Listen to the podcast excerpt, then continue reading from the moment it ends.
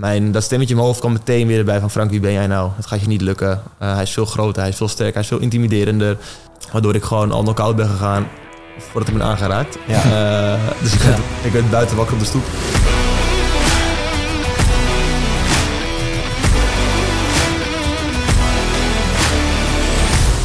Yes, dames en heren, welkom weer bij een gloednieuwe aflevering van Racing the Bar. Mijn naam is Bart en naast mij zit natuurlijk weer, zoals elke week, favoriet van de show, Steffi Jans. Het gouden duo is weer terug deze week. Ja, tuurlijk. Welkom, dames en heren. Net zoals elke week, maar eh, net zoals elke week hebben we ook weer een super interessante gast eh, weten te strikken voor deze aflevering. Mhm. Waar eh, wij ongetwijfeld heel veel van gaan leren. En jullie hopelijk ook. Dus dat is mooi. Frank Richter, welkom. Yes, dankjewel. En dankjewel voor de uitnodiging. Ja, uiteraard. Eh, super fijn dat je er bent. Ehm, eerst even nog een kleine introductie wat je nou, eh, wat je nou doet op dit Mhm. moment. Dan kunnen we daarna terug naar hoe dat allemaal is gestart. Eh, je hebt een bedrijf genaamd Voor elkaar gebokst. Yes. En zou je misschien zelf even in het kort kunnen uitleggen wat je doet? Zeker. Ik ben, ik ben dus Frank en ik ben eigenlijk gespecialiseerd in het begeleiden van gedreven ondernemers die kiezen voor krachtig resultaat in zowel de business als hun privéleven. Mhm. En dat met rust in hun kop. Ehm, ik zeg vaak woordje kop erbij, eh, omdat het letterlijk wat klanten soms zeggen van Frank, ik wil gewoon rust in mijn kop. Ja. Ik wil gewoon nog meer resultaat, maar hoe? Ehm, enerzijds doe ik dat met individuele coaching. Ehm, denk echt al aan een minimaal zes maanden traject tot een twaalf jaar, uit twaalf maanden. Ja. En ik doe ook teamontwikkeling. Dus ik ga met teams van bedrijven aan de slag gaan met leiderschapsontwikkeling, communicatietraining, conflicthantering, samenwerken en, eh, en teambuilding. Echt de standaard teamthema's, zeg maar. Ja, En dat doe ik met, bij bedrijven veel met boksen. Dus veel boxcoaching inzetten. Dus door middel van het lijf bepaalde patronen inzichtelijk maken. En volgens ook vanuit daar die kunnen gaan doorbreken. En met één op één coaching doe ik echt wat nodig is. Dus van gewoon reguliere gesprekstechnieken tot boxcoaching tot NLP. Waarbij ik de laatste tijd wel merk dat het veel ehm, pure gesprek is. En echt puur op, op de business zit. ja, Dus daar merk ik wel dat er een bepaalde ehm, verandering is plaatsgevonden. ja. En super interessant ook dat stukje wat je zegt over dat het dan vaak in je, in je kop zit.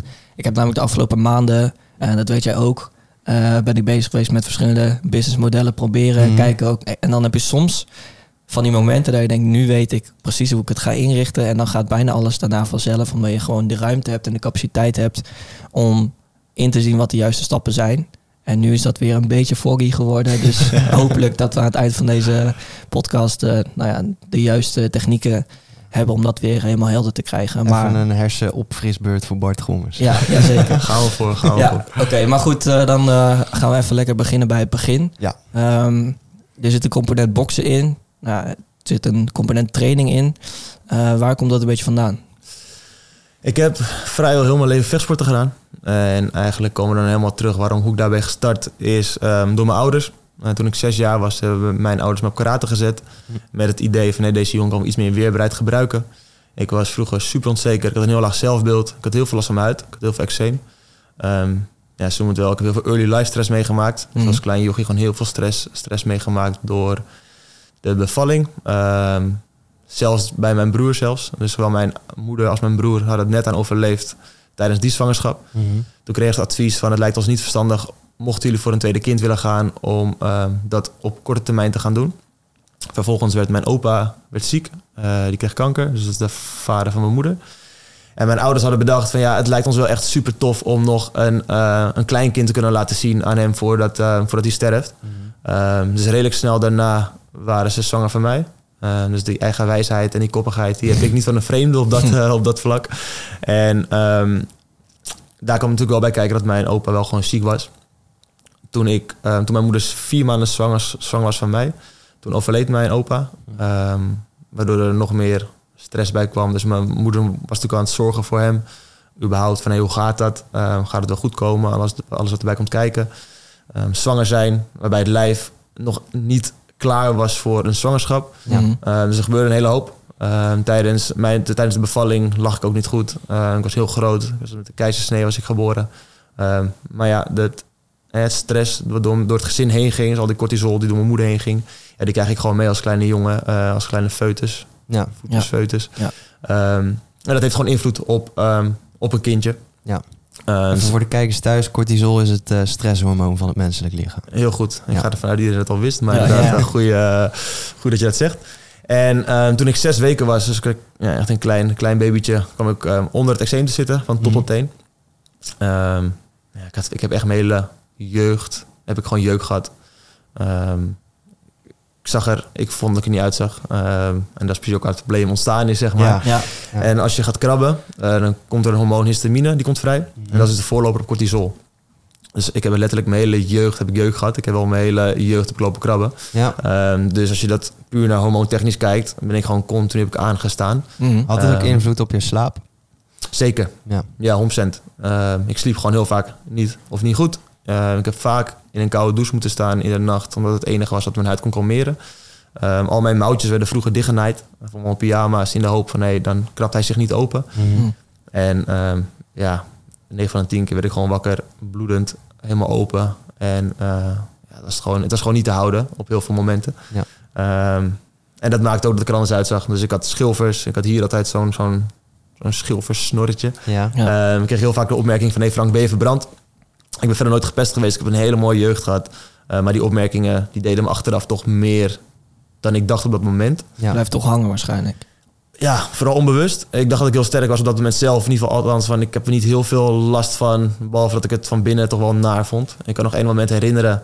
ehm, en dat zegt dus al genoeg, hè, dat je dat nog weet. Eh is op het voetbalveld. Ik heb elf jaar gevoetbald.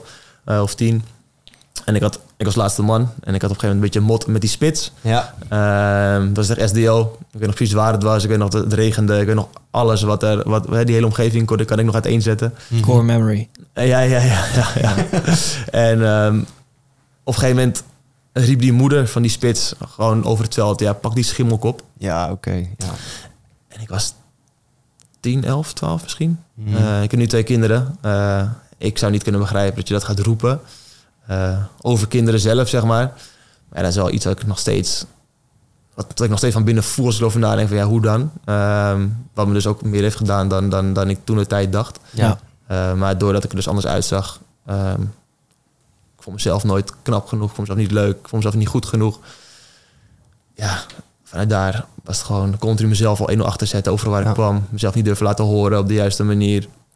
En toen door het, door het karate heb ik de liefde voor de vechtsport mogen ontwikkelen. Ehm, en heel veel vechtsporten gedaan, van karate naar judo, jiu-jitsu, krav maga, ehm beetje silat. Ik heb eigenlijk alles wel geprobeerd in ieder geval. Waarom wilde je dan ook al die dingen proberen?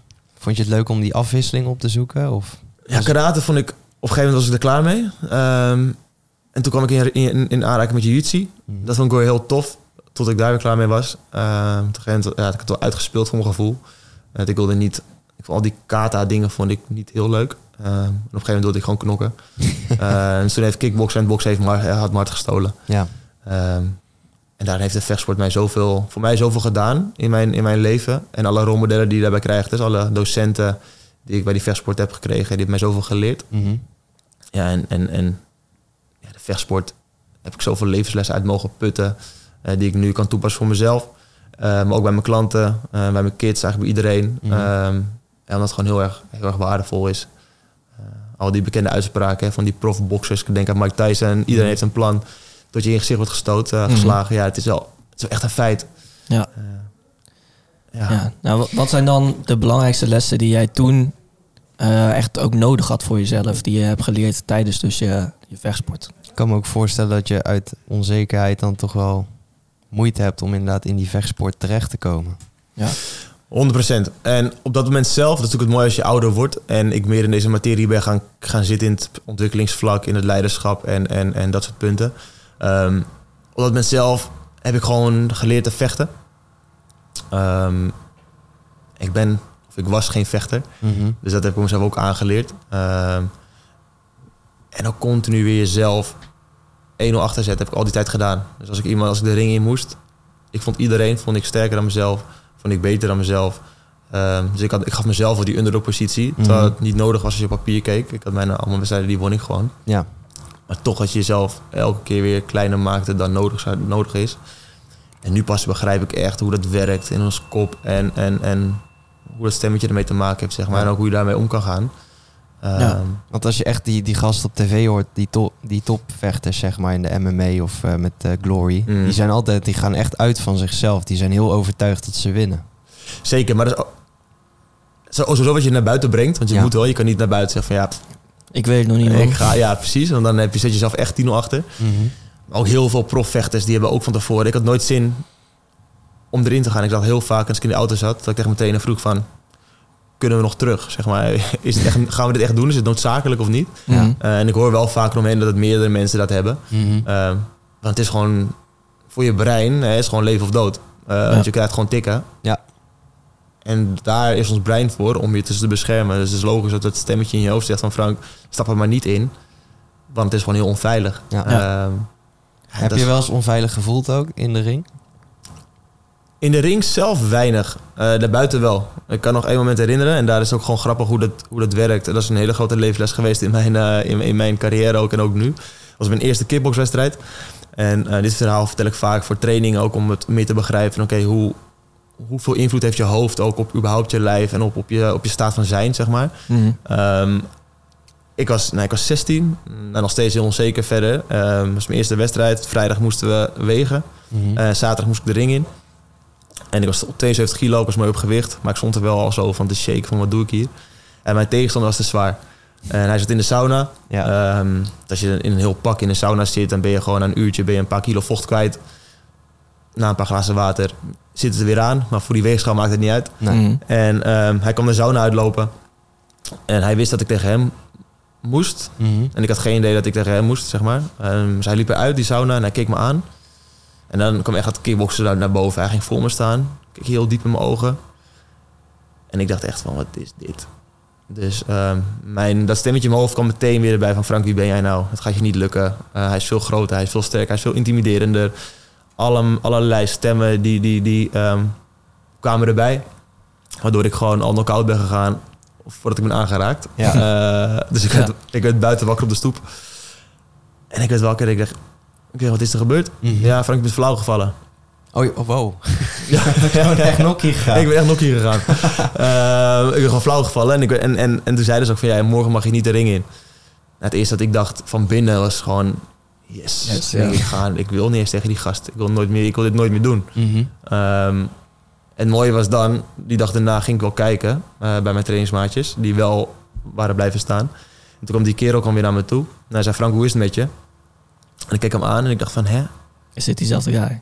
Precies dat. Ja. Eh, gisteren zag je er heel anders uit, dacht ik, dan dat je er nu bent. En hij was nu een heel, even groot als ik, helemaal niet zo groot, helemaal niet zo intimiderend. Toen dacht ik bijna van, mm, balen. Laten we nu wel knokken. ja. Ja. Ehm, tot er is niks veranderd. De situatie is nog hetzelfde. Hij is hetzelfde. Ik ben hetzelfde. Alleen, en ik was wat rustiger. En het stemmetje was heel anders. Waardoor ik ineens dacht van... Ja, dit is helemaal niet wat het zou moeten zijn, zeg maar. Ehm, dus dat vond ik echt Ja. achteraf zo'n bizarre les. Ik van, hoe, hoe, hoe is het mogelijk, zeg maar? Ja, dat bewijst eigenlijk weer dat eh, ieders waarheid dus wel weer anders is. En dat dat gewoon puur een projectie is vanuit jouw gedachten op eh, de wereld om je heen. Zeker. Een, Ja. een situatie, dat vind ik een van de mooiste les ook. Een situatie is per definitie gewoon een situatie. Mhm. Ehm, en het is maar net hoe jij naar die situatie kijkt en welke waarde en lading jij erop gooit, is wat voor betekenis het geeft. Ja. Uiteindelijk, ik vergelijk het vaak met een overlijden van een ouder. Stel je hebt twee kinderen en eh, vader gaat dood moeder gaat dood, dat maakt niet zoveel uit. Het ene kind kan echt jarenlang er echt compleet last van hebben.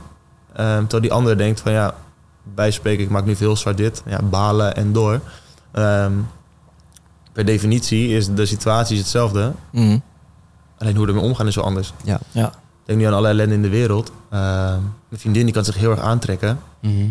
En ik kan denken, ja, het is heel, het is heel vervelend, is heel naar. Mhm. Maar ik kan mezelf er iets wel buiten zetten dat ik er zelf minder last van heb. Ja. Terwijl de oorlog is per definitie gewoon de oorlog. Alleen Mhm. hoe ik er naar kijk en naar mijn vriendin er naar kijkt. En de lading die erop gooit is het compleet anders. Ja, ik kijk er ook wel eens naar van, oké, stel we zouden nu 100 jaar geleden eh, zitten, dan was die informatie nooit tot ons gekomen. Dan had ik er ook nooit eh, een probleem mee kunnen hebben en was het ook niet mijn probleem geweest. Waarom is dat het nu wel? Omdat er internet is en het dus mij eh, wel kan bereiken, maar fysiek kan het me nog steeds niet bereiken. Zeg maar. Ik, als je elk probleem op de wereld jouw probleem moet maken, dan ja, lig je bij wijze van spreken de rest van je leven alleen maar in je bed te balen. Dat heeft ook helemaal geen zin en dat brengt je ook weer niet verder. Ondanks dat het natuurlijk, ehm, zeker voor de grote gebeurtenissen, dat je wel medeleven kan tonen. Mm. Maar het, is ook wel redelijk zwart-wit en hard gezegd, het is niet mijn probleem. Ja. Dus het hoeft ook niet mijn probleem te worden dan. Nee, nee, nee. Dus dat zijn de ingewikkelde dingen altijd. Het is wel mooi. Je, je- kijk, als het echt iets er echt iets van vinden, dan kunnen we er ook de actie ondernemen. Dus dan kunnen we ook nu, ik wil een, een, een, een, een, een actie starten om geld in te zamelen voor die mensen, zeg maar. Dat is het enige wat wij nu kunnen doen. Ik ga er niet heen vliegen en uh, de redder uithangen. Uh, want ik wil mezelf daar ook niet voor op het spel zetten, zeg maar. Dus nee. net, in hoeverre trek je het aan en in hoeverre wil je dus ook de keuze maken en de acties nemen om daar iets aan bij te dragen. Mm -hmm. Maar zoals je zegt, we weten alles van de hele wereld. Ja. Dus dan kunnen we er moeilijk overal iets aantrekken. Maar het is wel, ja, het is wel een lastig, uh, blijft ja. een lastig, uh, lastig onderwerp. En soort dingen. Over situaties en acties gesproken. Ik hoor al een paar minuten een uh, achtergrondgeluid hier. En ik ga even checken of dat van buiten komt. Of dat dat vanuit ja. de verwarming komt. Want het systeem hier is soms een beetje lastig. Ik ga heel even kijken. Maar gaan jullie vooral door met het gesprek. Kijk, heel goed. Hij gooit even, even een, een vrachtwagen ertussen nu. Ja, ja, ja. ja nee. Maar... Um, ja, we zijn een beetje afgedwaald naar dat stukje met het maatschappelijk probleem. Maar ik wil graag nog een beetje terug naar waar we zaten met het, met het boksen. Want dat is waar voor jou het bedrijf ook uit is ontstaan. Uit die lessen die je daar hebt geleerd. Mm -hmm. Ik denk dat je jezelf, nou, dat vul ik nu in, maar dat vraag ik zo bijna. Je zag jezelf als praktijk ervaren. In het stukje van jezelf leren ontdekken en dus misschien barrières doorbreken. Mm -hmm. Of anders leren denken. Is dat ook de manier waarop jij dus op het idee bent gekomen om jouw business daarin op te bouwen? Of is dat een heel ander verhaal? Ja, de, ik was. Ik had nooit bedacht dat ik ondernemer zou worden. Hm. Um, ik kom uit, een gezin waar niemand dat is. Um, en ik heb ik, ik ooit een sportstudie gedaan. Want ik, ik dacht, ja, hoe ga je... Ik moest kiezen wat ik ga doen. Mhm. En overal dacht ik, ja, ik doe wat, ik heb geen idee. Dus op de HAVO heb ik ook natuurlijk gezondheid gestudeerd of uh, gekozen. Maar ik dacht van, ja, daar scheen je het meest mee kunnen gaan doen, zeg maar. Ja, dat was ook mijn uh, tactiek. Ja, ja, ja ach, ach, achteraf had ik het nooit op deze manier gedaan. Nee. Um, en toen, toen heb ik een sportstudie ge gekozen. En de praktijk ging prima. En de theorie kreeg ik gewoon niet in. Dus na een half jaar dacht ik van, we gaan niet meer stoppen. Um, ja, en dan? Dus was ook jouw overtuiging dat dat niet kon? Of gelukt het gewoon echt, echt niet? Dat was mijn overtuiging, ja. uiteindelijk. Ik had, en ik kreeg op dat moment kreeg ik het gewoon niet in. Mm -hmm. En ik had ook niet de behoefte om er nog heel veel tijd in te gaan stoppen om het wel te gaan leren. Uiteindelijk, ja. als je ervoor gaat en je vindt het ook heel interessant, ja, dan lukt het wel. Mhm. Mm. Uh, maar ja, ik had geen behoefte om anatomie te gaan leren en weten hoe uh, abductie en adductie en uh, noem maar op, al die dingen. Dus was ik gestopt, half jaar gewerkt en toen dacht ik, ja, wat ga je dan doen? En al mijn trainers van het kickboksen, van het boksen, die zaten allemaal in het, in het maatschappelijke werk. Dus heel veel in jeugdzorg. Ja. Dus toen dacht ik van, oké, nou als zij dat kunnen, ik ben wel een soort gelijk persoon, dan kan ik het ook wel. Dus toen ben ik maatschappelijk werk gaan studeren. Um, en ik scheen er heel goed in te zijn. Dus ik kon heel makkelijk verbinding maken met mensen. Ik kon heel erg um, mensen inspireren, activeren en motiveren. Mhm. Uh, dus ook echt gewoon echt in actie zetten. Dus toen heb ik uh, in de jeugdzorg van alles gedaan. Ja. Uh, van groepswerken tot crisismanager, crisis, uh, crisis, op een crisisgroep gestaan. Case manager geweest, uh, ambulante gezinscoach. Wat is case manager? um, ja, dat je echt een hele casus in de gaten houdt. Dus ik was voor de Zwerfjongeren Amsterdam Mhm. was ik de, de regisseur. Dus ik was het, het aanspreekpunt tussen verblijf, um, dagbesteding, eigenlijk van alles. Om het in, goed in kaart, te, in kaart te leiden, zeg maar. Um, veel gedaan in de jeugdzorg. Op een gegeven moment ben ik ook gaan uh, uh, ja, ondernemen in de zorg. Als zelfstandige gestart. Ja. Um, Was dat dan ZZP-basis? ja, ja, dus gewoon verkapte loondienst. Um, wel heel interessant in de zin voor mij. Ik, had, ik deed gewoon mijn diensten draaien. En ik op een gegeven moment woonde ik in Amsterdam. En toen dacht ik, ik was in mijn eentje. Ik was, ik was single. Ik had gewoon niemand om mijn rekening te houden. Mijn vrienden woonden in Almere. Mhm. Ik dacht, ik had ook niemand in Amsterdam. Dus, en toen begon ik weer op een groep. Want ik, had, ik was tussendoor even op reis geweest. En ik deed ervoor allemaal andere dingen. Um, dus ik, had, ik deed groepsdiensten, slaapdiensten, avonddiensten. Maar als je dan fulltime werkt, dan ben je alsnog de helft van je week ben je, zit je thuis. Um, omdat de slaapdiensten natuurlijk heel lang... De diensten waren sowieso wat langer. Mm. En toen kom ik in aanraking met iemand die zelfstandige um, op, ja, detacheerde of, of uh, opdrachten had. Dus Ja. toen dacht ik, ga ik gewoon doen. Toen ben ik gewoon gaan rammen. Dus ik ben gewoon uren gaan rammen. Ik had een slaapdienst. Daarvoor deed ik ambulante begeleiding. Ging jongeren helpen. Ging ik slapen. Daarna ging ik slapen. Dat klinkt weer heel... heel uh, toen moest ik natuurlijk mijn werk gewoon daar doen. Uh, werd ik wakker. Mijn dienst afgerond. Ben ik meteen weer andere, andere jongeren gaan begeleiden. Dus ik maakte gewoon alleen maar uren. Mhm. Ik was gewoon alleen maar aan het, uh, aan het werk. Hoe kijk je terug op die periode? Ja, dubbel. Enerzijds heel, toch wel heel egoïstisch aan de ene kant. Want ik, ik, de zorg trok mij niet meer helemaal. Uh, dus ik zag, echt, ik zag echt collega's die kunnen gewoon hele, hele hard erin gooien. Zeg maar. Dat ik van, ja, dit is echt, dit is eigenlijk wat je moet doen. En ik was op een gegeven moment meer aan gewoon uh, geld verdienen. Ja. Uh, waardoor je dus, als ik met die gasten was, kon ik heel goed bij hun zijn. Ja. Maar op het moment dat ik de deur uitliep, was het ook gewoon meteen weer focus op iets anders eh, Ja. wat, ik, wat ik moest doen. Ehm, maar voor mezelf heb ik heel veel geleerd. Heel veel gezien van, de, van, van überhaupt de wereld hè, in, die, in die zorg. En je ziet gewoon alle situaties, allerlei problematieken zie je. Ja. Dus daar heel veel ervaring eh, mee opgedaan. Dus daar heel, heel dankbaar voor. Ook heftige dingen meegemaakt daarin? Ja. Ja, en wat is dan heftig is ook weer die label die wij ergens opplakken. Ehm, ik kan gelukkig iets heel makkelijk buiten mezelf zetten. Mhm. Ehm, in ieder geval buiten mezelf. Ik, kan, ik ga niet zo snel mee in emoties en, en gevoelens van andere mensen. Waardoor ik wel continu op een afstand kan blijven kijken. En in mijn ogen dus ook het best ehm, kan hulp verlenen. Omdat je gewoon eruit, erbuiten kan blijven staan. Mhm. Maar ik kan nog herinneren op die crisisgroep waar we hebben gestaan. Er was heel veel agressie ook op een gegeven moment. Dus ik heb heel veel echt, ehm, nou ja, dat echt kopjes moest ontwijken, noem maar op. En ik kan nog één dienst herinneren, een slaapdienst die ik had. Uh, en ik ben super blij dat mijn collega toevallig langer bleef. Mhm. Ehm, toen kregen we een crisis. En die krijg je dus gewoon... hey, er komt iemand aan, die slaapt een nacht bij jullie.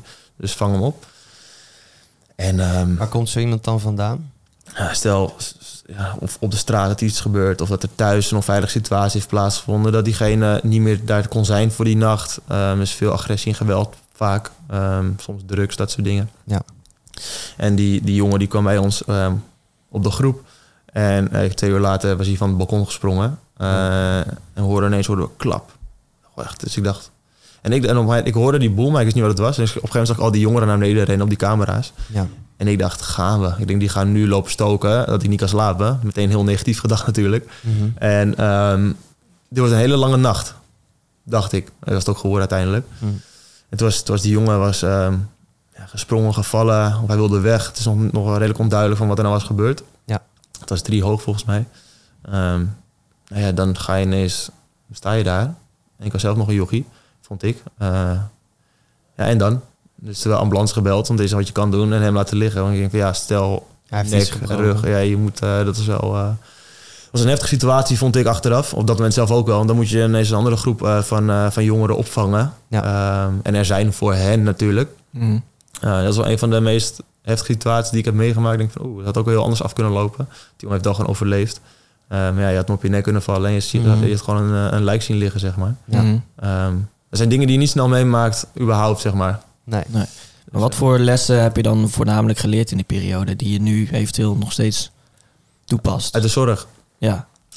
Eén, het leven is gewoon kei en keihard. Ehm, veel situaties overkomen je, zoals bij die, bij die jongens eh, en dames trouwens. Ja, die kiezen niet voor een bepaalde situatie.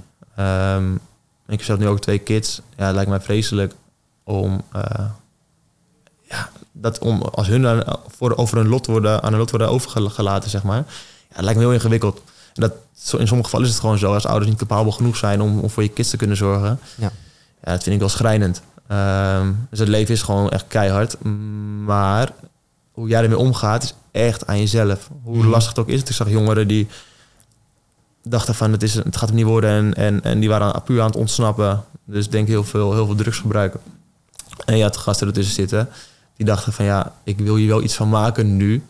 Ehm, dus ik zet alles op alles om ervoor te gaan. En ondanks dat die situatie nu zo is, dat ik wel het beste eruit kan halen voor diegene wat er op dat moment in zit. Mhm. Dus daar zie je echt wel meteen van elkaar uit welk hout zijn mensen gesneden. Ehm, en wat ze hebben meegemaakt en hoe makkelijk of moeilijk mensen kunnen schakelen om dus te denken van oké, dit is nu wat het is. Hoe kies ik hier, hoe ga ik ermee om? En wat wil ik ervoor doen om volgens ook iets ander, ander resultaat te gaan creëren, zeg Ja. maar. Ehm, ja, dat vooral. Ja. Eh, dat is een van de grootste lessen die ik eh eruit heb eh, meegekregen. En dat zul je nu ook nog heel veel tegenkomen.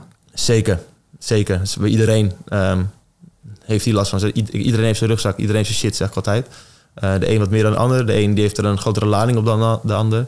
Ehm, maar vaak, oh ja, over, dingen overkomen je gewoon. Veel. Maar ja, hoe ga jij daarmee om? Ja, dat is dan inderdaad... Dat is een, de grote vraag, zeg maar. Ja. En hoe, eh, als jij mensen binnenkrijgt als het ware nu binnen Mhm. jouw bedrijf en je ziet dat soort patronen ontstaan, hoe probeer jij dat dan, of probeer je dat überhaupt om te zetten? En zo ja, hoe probeer je dat dan om te zetten? Uh, nu vooral met, met, met echt gespreksvoering, dat zie ik veel. Uh, dat stemmetje in je hoofd, zeg maar, dat is onze grootste, onze grootste, uh, ja, onze grootste valkuil, onze grootste tegenstander. Dus de grootste tegenstander in het leven ben je zelf. Mhm. Dat merkte ik al met, met, met mijn eigen wedstrijden, met überhaupt continu. Ik heb ook heel lang uh, het ziekte van Fiverr gehad, waar ik echt anderhalf jaar echt niks kon, behalve hij op de bank, letterlijk. Um, ja, dat stemmetje in je hoofd die komt dan, die gaat aan. En naarmate je die kan blijven tackelen, daarin kan je de meeste winst behalen. Nou, je brein is niet gemaakt om gelukkiger te worden. Maar je brein is ervoor gemaakt om jou als wezen, als mens in, in, in leven te houden en in Mhm. veiligheid te houden. Dus ook, je brein is daar dus ook voor van oké, wie wij denken te zijn als mens, die te beschermen. Ja. Dus als ik kom uit een heel verleden een heel, een heel onzeker jochie, maar dat is wel iets wat ik gewend ben. Waar mijn brein ook continu op terug wil vallen. Want dat is makkelijk, het is comfortabel. Ehm, en dat is wat, wat ons brein wil. Want die wil niet dingen gaan doen die eigenlijk spannend zijn. We hadden het er net een beetje in het begin over. Hè? Ja. Ja. hè? Juist als het oncomfortabel is, ja, dan moet het juist doen. Want daar ligt die, die grootste verandering vaak. Ehm, dus daar wil ik mensen heel erg bewust van maken. Van oké, wat gaat er in je hoofd om? Is het waar, ja of nee? En hoe kan je er volgens mee omgaan door er dus wel iets anders te gaan, te gaan doen? Ja. Ehm, Gewoon het doorbreken van de self-limiting beliefs vooral. ja, ja. En het, het, je mag het geloven, maar uiteindelijk hoef je niet per se iets te geloven om iets te doen. Dat is ook waar. En dat is natuurlijk leuk. Dat is natuurlijk leuk. Ik hoor van mensen van ik wil meer vertrouwen hebben en dan pas ga ik dat doen. We hebben heel vaak die beredeneringen van eerst wil ik dit en dan Mhm. pas kan ik iets anders doen. Ik heb zelf ook heel lang, ehm, nog steeds hoor. Ik heb natuurlijk ook gewoon het stemmetje nog steeds. En af en toe wint hij er ook nog van, eh, van mij. Dat is ook helemaal oké, maar ik wil wel zo snel mogelijk kan ik, om te schakelen, om te kijken wat, wat werkt wel nu voor mij. Ja. Ehm, dus dat is, ja, dat is echt onwijs belangrijk. Een stemmetje gaan leren herkennen. Want juist dat brein, die we continu toch terug naar het brein is continu aan het, ver- aan het refereren naar het verleden. En hoe meer we gaan focussen op het verleden, hoe minder we kunnen focussen op de toekomst en datgene wat we kunnen gaan creëren. Ehm, en dat maakt het soms zo, zo, zo, zo ingewikkeld. Ehm, daarom hoor je natuurlijk super vaak van hey, ja, je moet meer naar je gevoel gaan luisteren. Eh, dat is natuurlijk een, een van de, de meest eh, gehoorde zinnen tegenwoordig als je kijkt, eh, als je om ons heen kijkt. Mhm. Ik ben het daar dus voornamelijk niet mee eens. Ehm, waarom? Juist daarom. Dat als jij zegt van nee, je, moet, je wilt iets gaan doen, eh, maar het voelt oncomfortabel. Ja. Als je dan naar je gevoel luistert, dan ga je het ook niet doen. Ehm, dus dan zeg ik altijd, ja, doe het dan maar met een heel oncomfortabel gevoel. Mhm. Want het komt vanzelf. Ik Ja. had laatst een training en toen hadden we het over... eh, ja, toen kwam, er- kwam er één, één iemand die zei, ik heb heel erg faalangst. Oké. En ik, wil dus, ik heb eerst vertrouwen nodig om dus wel... Nou, eerst was het heel interessant überhaupt van wat is faalangst? Ja, ja. Ik heb altijd faalangst. Ik zeg, heb je altijd faalangst? Ja, altijd. Dus Oké, nou, zo interessant. Ik zeg, ook als je slaapt? Nee, nee, natuurlijk niet. Dan, dan niet. Dus, oh, oké. Nou ja, dus al een derde van je leven heb je geen faalangst, toch? Dat Ja. scheelt al een hele hoop. En heb je ook faalangst dan thuis, bij je gezin? Nee, nee, daar ook niet. En dan gaat alles wel goed. Hm. Dan heb je al gewoon twee derde van je leven heb je geen faalangst. Ja. Dus dan wordt in je hoofd al zo groot gemaakt... waardoor je al een bepaalde druk opzet... en al bepaalde acties niet gaan doen. dus, ik heb, dus ik zeg, op je werk heb je altijd faalangst. Nee, ook niet altijd. Ik zeg, oké, wanneer wel? Ja, bij presentaties, dat vind ik moeilijk. Nou, daar heb je hem. Oké, ik zeg, hoe vaak heb je een presentatie? Is het elke week? Is het elke dag? Nee, twee keer in de maand. Oké, en hoe lang duurde gemiddeld die presentaties dan? Een uurtje.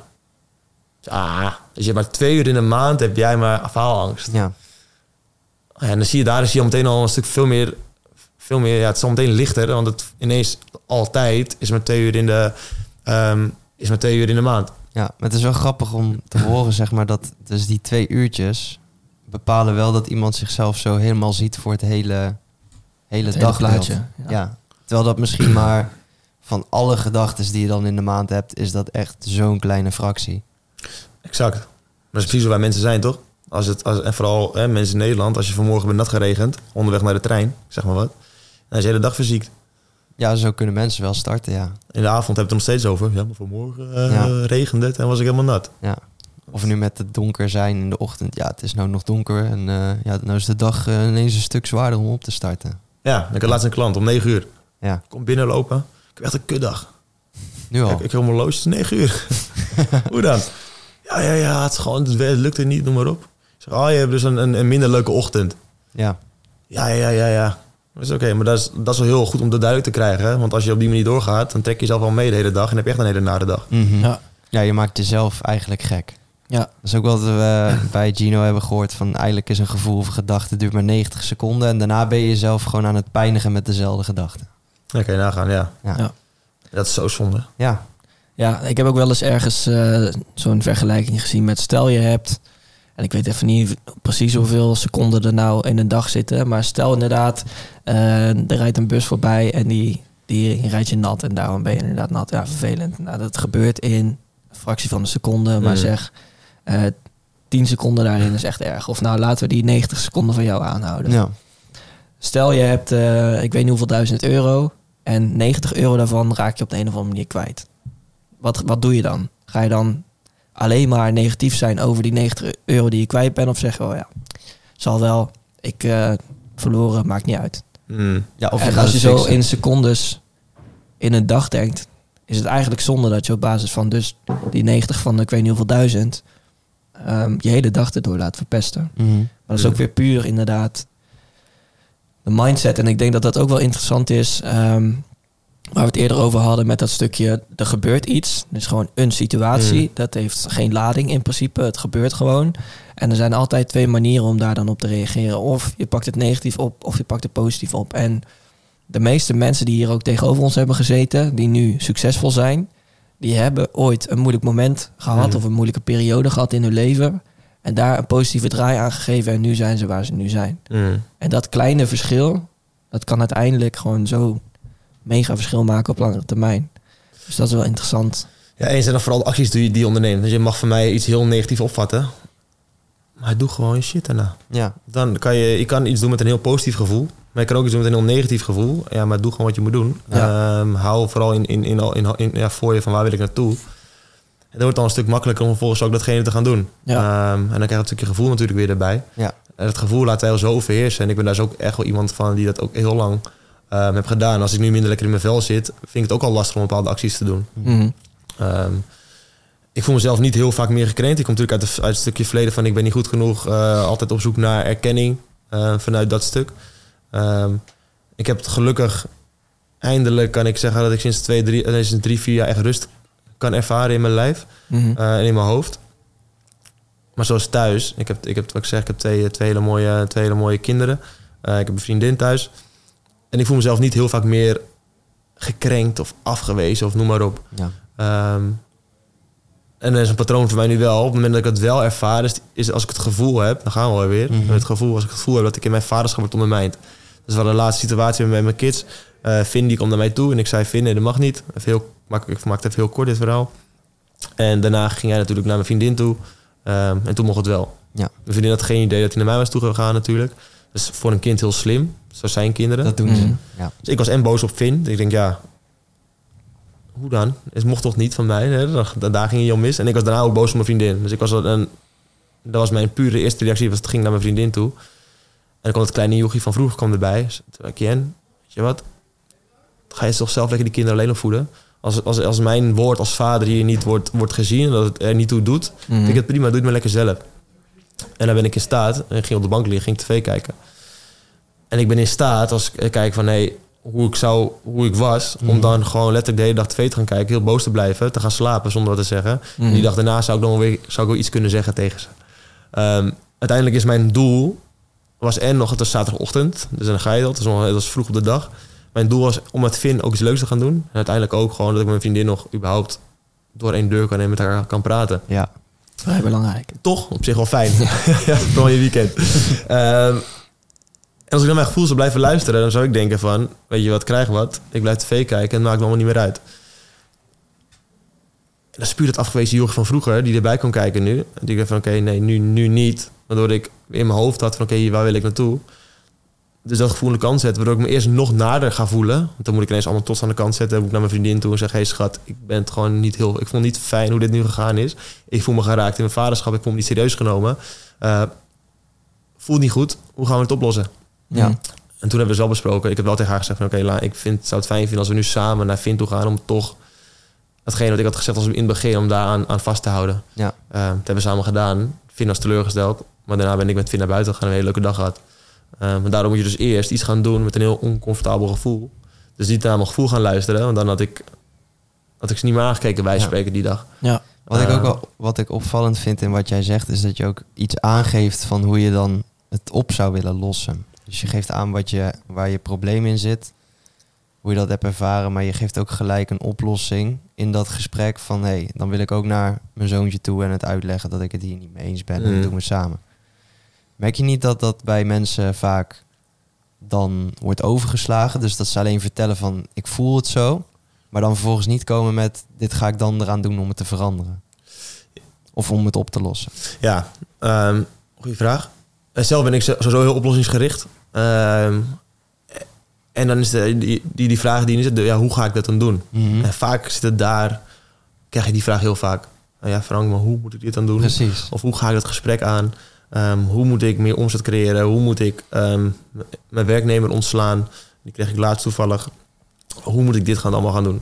Kijk, vaak of soms ontbreekt het echt aan kennis. Zodat we nog meer willen gaan leren en dan pas kunnen we iets doen. Maar vaak is het helemaal niet die kennis. Want wij mensen die weten al ontzettend veel. En dan krijgen we dat ook weer. Ik wil eerst nog meer gaan leren, nog meer opleiding gaan doen voordat ik een stap ga zetten.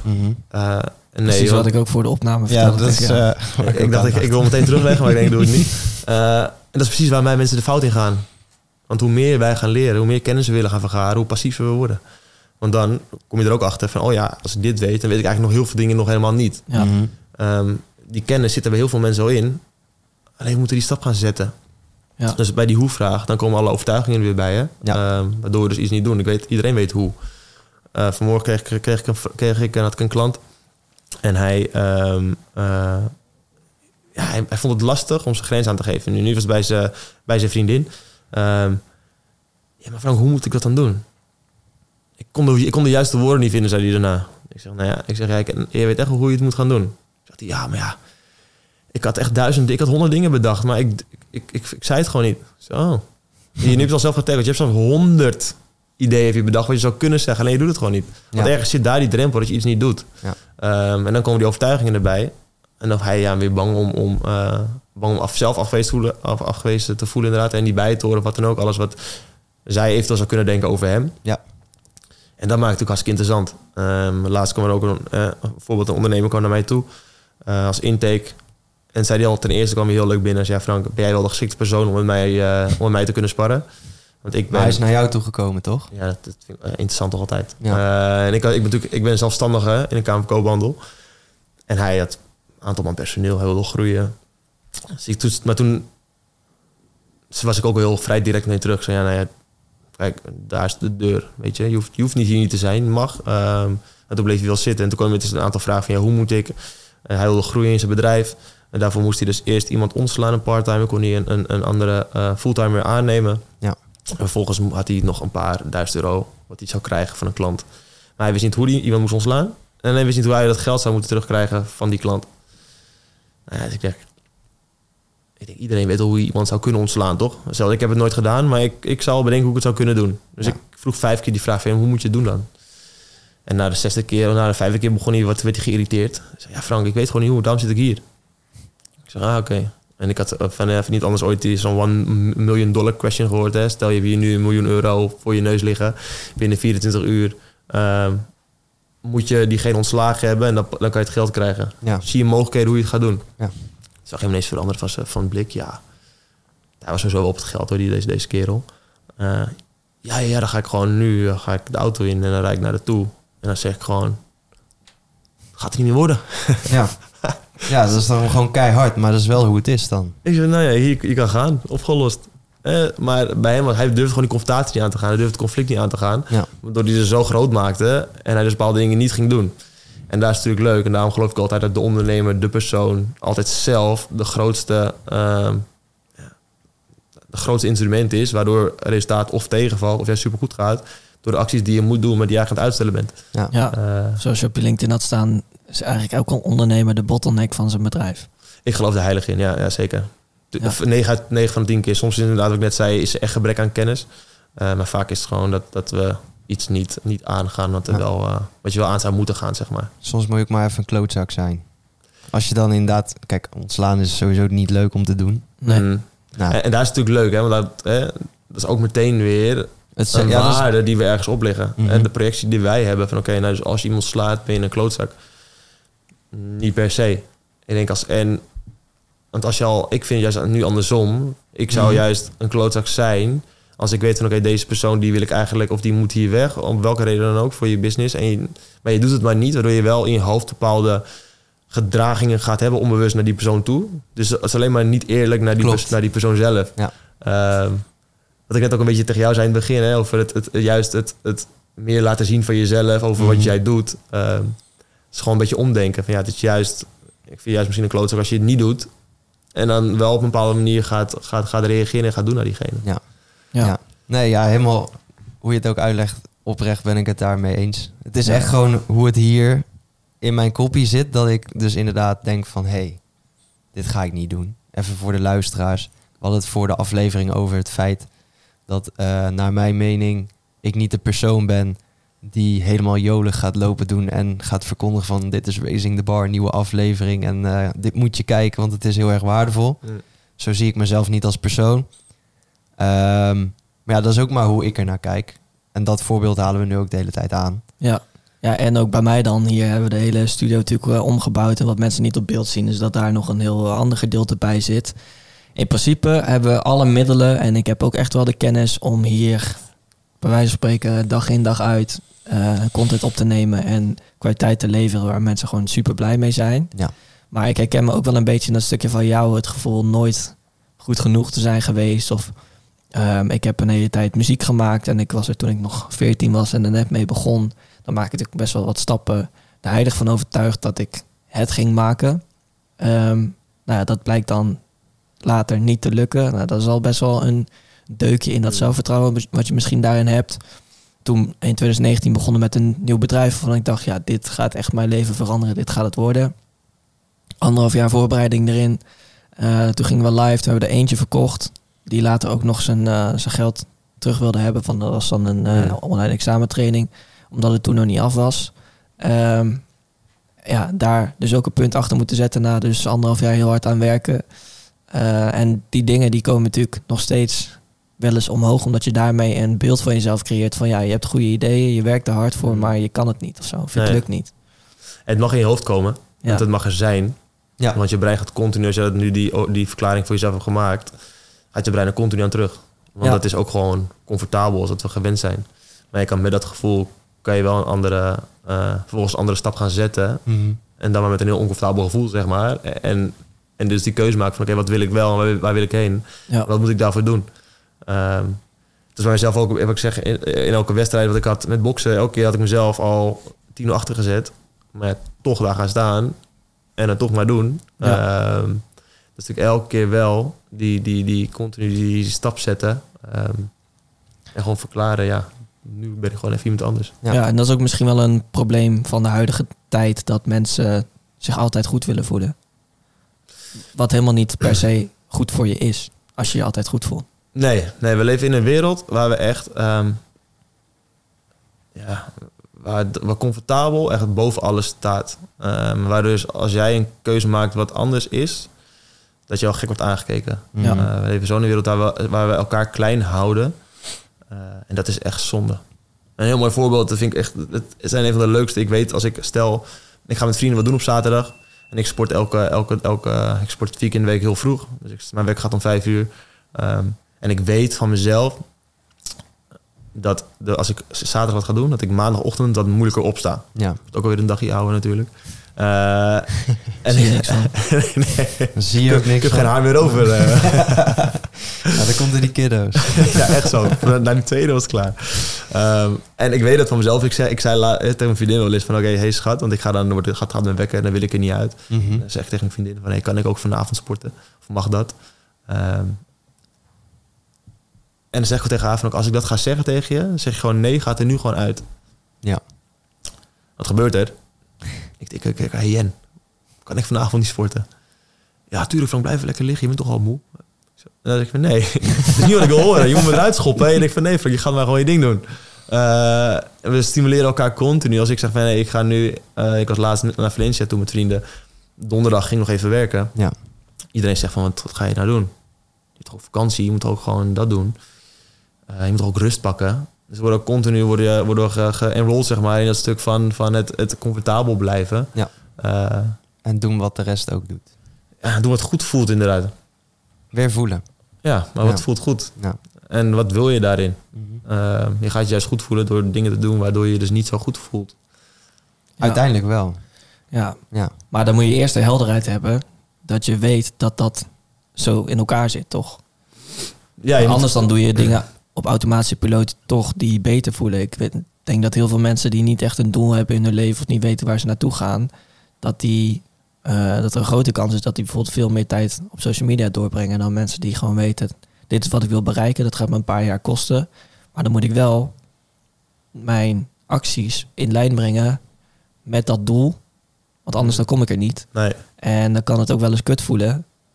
Maar uiteindelijk werk je naar iets hogers toe of zo. En dat is ook iets waar jij in je bedrijf eh, nou ja, veel op focust, toch? Ja, ja, en ik zeg al, een doelloos leven gun ik niemand.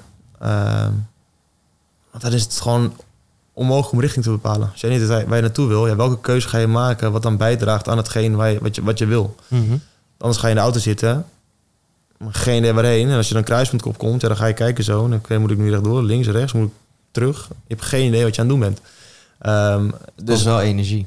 Het, kost, het, ja, het kost een hoop energie. En er is een Eh, grote kans dat je dan rechtdoor gaat, omdat dat ook de makkelijkste manier is om door te gaan. Ja, dan hoef je ook geen, ja, dan kan je gewoon eh, wat op, automatisch piloot en door, zeg maar. Ja, Ehm, dus dat maakt het, ja, dat maakt het ingewikkeld. Dus ik geloof, ik geloof echt heilig in, in, in een doel. In ieder geval op een ja, op die stip op de horizon. Waar, waar, waar wil je onge- ongeveer? En als je niet precies weet wat je wil. ehm, ja, ongeveer een richting is wel echt noodzakelijk om te kijken van... oké, draagt dit bij? Ja of nee? Mhm. Ehm, zo niet, niet doen. En zo wel lekker blijven doen, zeg maar. ja. Dus daarin vind ik een doel echt, echt heel belangrijk. Heel concreet weten van oké, waar, waar wil je heen? En daarin help ik mijn klant ook. Want als, ik een, als een klant geen doel heeft... Ja, dan ben je per definitie ook niet coachable. Ja. Want waar ga je het met iemand over hebben als je niet weet waar je heen gaat? ja, wat moet je meten? Ja, en je heeft gewoon geen... Ja, precies. En je weet gewoon niet wat je... Ja, waar ga je op coachen dan? Misschien ben je heel lekker bezig. Misschien moet je elke dag eh tien uur Netflix kijken als dat je doel is. Ja. Ja. Ja. Daar wilde ik ook iets over vragen. Want hoe stel jij dan doelen op met klanten? Heel, eh, nu heel concreet. Ik, wat, ik, wat ik net zei, ik, ik krijg steeds meer vragen over, over het stukje eh, business coaching. Of Ja. bijvoorbeeld de business zelf. Gewoon effectief ehm, krachtige resultaten genereren in zowel de business als privé. Ehm, dus ik maak het heel, heel concreet. Dus ik ga vaak, nu echt wel vaak een jaar aan de slag met, eh, met mijn klanten. En ik pak, pak eigenlijk per kwartaal, maak echt meetbare, meetbare doelen. Niet korter dan dat. Gewoon altijd een kwartaal. Daar is je doel in gemaakt. Ja, ik maak maak voor iets langer end van het hele traject. Van oké, waar moet onge- hè, wat, wat wil je bereiken na, na het traject? Ehm, vervolgens wil ik hem ook opknippen. Ehm, want als je weet waar je hierheen wil, dan kan je daarna ook kijken, oké, wat is er voor nodig om daar te komen? Ik had laatst een ondernemer die wilde en groeien in zijn business. Eh, dus die wilde nog, eh, die wilde nog vijf ton omzetten in het laatste kwartaal. Ehm, hij wilde ook nog ehm, meer tijd met zijn gezin. Ja. En dan wordt hij leuk. Dus meer tijd met je gezin, ja. Wat is dat? Wat betekent dat? Ja, gewoon dat ik meer thuis ben. Dat ik. eh, Oké, wat betekent meer thuis zijn? Hoe, hoe- hoeveel ben je nu thuis? Hoe doe je het nu dan? Want Mhm. als je niet weet waar je nu staat, dan kan je ook al niet, eh, per definitie ook niet kijken welke acties je moet ondernemen. En hij had, hij, had, hij had vier kinderen en hij wilde eigenlijk gewoon per maand. Hè, daar kwam toen op neer. We hebben het gesprek aangegaan en hebben gewoon gekeken, wat, wat wil je dan? Wat betekent het voor je? Hij wilde zowel per maand één keer, één op één, met één van zijn kinderen zijn. Ja. En vervolgens wilde hij ook gewoon één keer in de maand met het hele gezin wat gaan doen. Ehm, en hij wilde één keer in twee weken echt een date night met zijn vrouw hebben. Eh, dat is dan heel specifiek. Want dan weet je gewoon, dit staat mij te doen. Waardoor je meteen kan inplannen met al je kinderen. Van oké, dan kies jij maar wat we gaan doen. Ja. Eh, maar op die dag, die avond gaan wij samen naar de bioscoop. Of ik zeg maar wat ijsje eten. Maar het moet natuurlijk helemaal niet heel groot te zijn. Nee. Eh, maar dan is het heel duidelijk op zijn privévlak. Dit is wat hij wil. Concreet maken. En actie. Ja, Eh, net als met het omzet. En het eerste wilde hij eigenlijk groeien. En dan is het natuurlijk ook weer heel vaag. En dan gaat ons brein ook niet echt aan van oké, wat gaan we dan volgens daarvoor doen? ja. Wil je sterker worden? Of wil je met je bedrijf groeien? Of Wil je eh, meer omzet, wil je meer winst? Er zijn ook weer, eh, ja. Dus, je- ja, precies dat. wil je familie laten groeien? Ja. Het is allemaal super vaag. Ja. En zo, maar zo praten wij mensen allemaal. Ehm, ja, als je, het, het is een groot verschil als je, stel je wil vijf ton extra omzet draaien. Maar per wanneer wil je dat? Wil je dat per 31 december doen? Wil je dat per eind 2024 doen? Ja. Het is al een groot verschil qua acties die je moet ondernemen om daar te komen. ja, en weer de vraag hoe. Die krijg je dan ook weer gelijk terug. Hoe ga ik dat dan doen, die vijf ton? Ja. Ja. Ja, en dat is helemaal, he- helemaal uitkouwen. Ehm, dus, dus die vijf ton, nou ja, eh, nog drie maanden tijd. Nou ja, vijf ton delen door drie, dat is dan per maand. Eh nou ja, is ongeveer per week wat je, wat, je, wat, wat je moet verdienen. Dan gingen we kijken naar zijn klanten. Hoeveel klanten, hoeveel gesprekken heb je nodig om, ehm, om, om een klant te krijgen? Zeg maar, hoeveel, wat is de ratio die zegt, ik ga starten bij of niet? Ehm, dus hoeveel gesprekken heb je nodig om aan tafel te komen bij die bedrijven? Hoeveel van die bedrijven gaan er ja zeggen om het dan heel duidelijk te krijgen van dit soort deze hoeveelheid gesprekken moet je voeren? Ja. Ja. Ehm, dit is ongeveer het resultaat. Hè, als je kijkt naar de cijfers die je in de afgelopen periode hebt gehad. Ja, dat is gewoon heel duidelijk van oké, deze week moet ik 20 gesprekken voeren. Ja. Eh, daarvan ehm, kom ik er bij acht aan tafel. En daarvan zeggen de helft zegt ja. En stel je luistert naar deze podcast en je hebt nog helemaal niks wat je kan meten. En je wilt toch doelen op gaan stellen voor jezelf. Hoe raad je dat dan aan aan klanten? Stel je iemand hier die is 20 en die heel zijn eigen bedrijf starten bijvoorbeeld. Hoe stelt hij Ehm, zijn doelen op? Nee, je kan altijd iets meten. Ehm, anders moet je dan zorgen dat je iets gaat meten. Maar kijk, als je wil je eigen bedrijf starten, oké, ja, per wanneer wil je dat doen? Ja. Ik heb nu een klant, die gaat supergoed. En eh, deze persoon wil een stichting erbij gaan doen. Eh, dus die wil meer en meer zou worden in haar bedrijf. Die wil een stichting gaan, gaan, gaan neerzetten. En die moet heel duidelijk zijn van, oké, per wanneer staat die stichting online? Wanneer ben je ready to go? Eh, wanneer wil je die financiën binnenhalen, die financiering en alles wat erbij komt kijken? Eh, dus wil je een bedrijf starten, ja, wanneer ga je dat doen? En vervolgens, welke acties moet je nemen om daar te komen en dat te gaan realiseren? Ja. En als je startend bent, dan is het echt start before you're ready. Dus je hebt geen website nodig, je hebt geen visitekaartjes nodig, je hebt niet al die, die dingen, die randzaken nodig wat we, gaan, wat we vaak willen doen om ons bezig te houden. Want daar zijn we wel bezig, maar doen we niet de acties die we eigenlijk moeten doen. Het is Ja. eigenlijk een verkapt eh, uitstelgedrag. Ja, 100%. Hebben wij ook ervaren. Ja, absoluut. Ja? En, nu, en nu nog steeds. Ja. Ja. hoe gaat het nu dan? Nou ja, dat, dat is toch wat ik vertelde hier. Van, eh, dat ik eh, zelf nog meer wil leren. Zodat er een component, een differentiatiecomponent aan zit. Die andere mensen niet hebben. Of andere bedrijven Ja. niet hebben. Maar de vraag is of dat nu al relevant is. En het antwoord daarop is eigenlijk niet. Nee. Alleen ik doe het omdat dat voor mij misschien ook weer makkelijker is. En comfortabeler is. Omdat ik denk, oké, ja, maar dan, dan hoef ik niet... Dan kan ik geen andere mensen teleurstellen. Dan ehm, krijg ik niet mensen op me af die dan bijvoorbeeld niet helemaal tevreden zijn. Want ik zit gewoon in mijn eentje achter de computer te Mhm. leren. En te zorgen dat ik de skills heb. Dat als die klanten er zijn, dat ik dan... Zeg maar, daarin een soort van perfectionisme, dat Ja. heb ik wel. Ja. Terwijl je eigenlijk imperfecte actie nodig hebt. Want kan je iedereen tevreden houden? Nee, dat sowieso niet. Nee.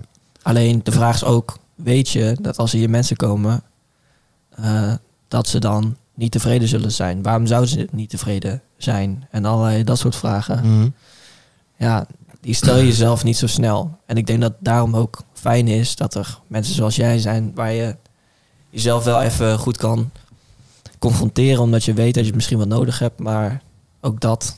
Wanneer ga je dat voor jezelf inplannen van hé, ik ga nu even, vanavond ga ik mezelf even helemaal confronteren met de dingen waar ik eigenlijk niet goed in ben. Nou, dat willen we niet. Maar jij, jij stelt heel leuk, hè? Van ik heb perfectionisme. Ja. Laat het zien. Kijk eens om je heen. Hier ben ik ook heel veel mee bezig geweest met oké, hoe gaan we dit precies? En dan eh, die lamp die moet dan weer zo en dan moet die moet net zo, want je wil schaduw aan die kant hebben en bla bla bla. Maar laat eens perfectionisme zien. Geef het eens aan me, want je hebt het. Ja, oké.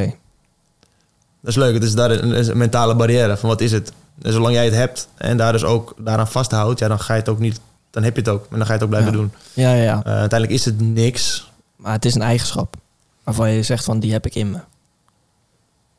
Soort van. Ja, ik vind die interessant, zeg maar. Dus van, je, het perfectionisme, je hebt het. Of, ja, het, is, het is niet per se iets. Je kan, het is niet tastbaar. Nee. Eh, dus het is iets wat we in ons hoofd hebben geprint. eh, hoe, hoe we onszelf gebouwd hebben. Waardoor je zegt van ik heb perfectionisme. Maar je kan er morgen voor kiezen om het niet te hebben. Mhm. Dus je kan morgen dan dat, die, dat lampje expres scheef hangen.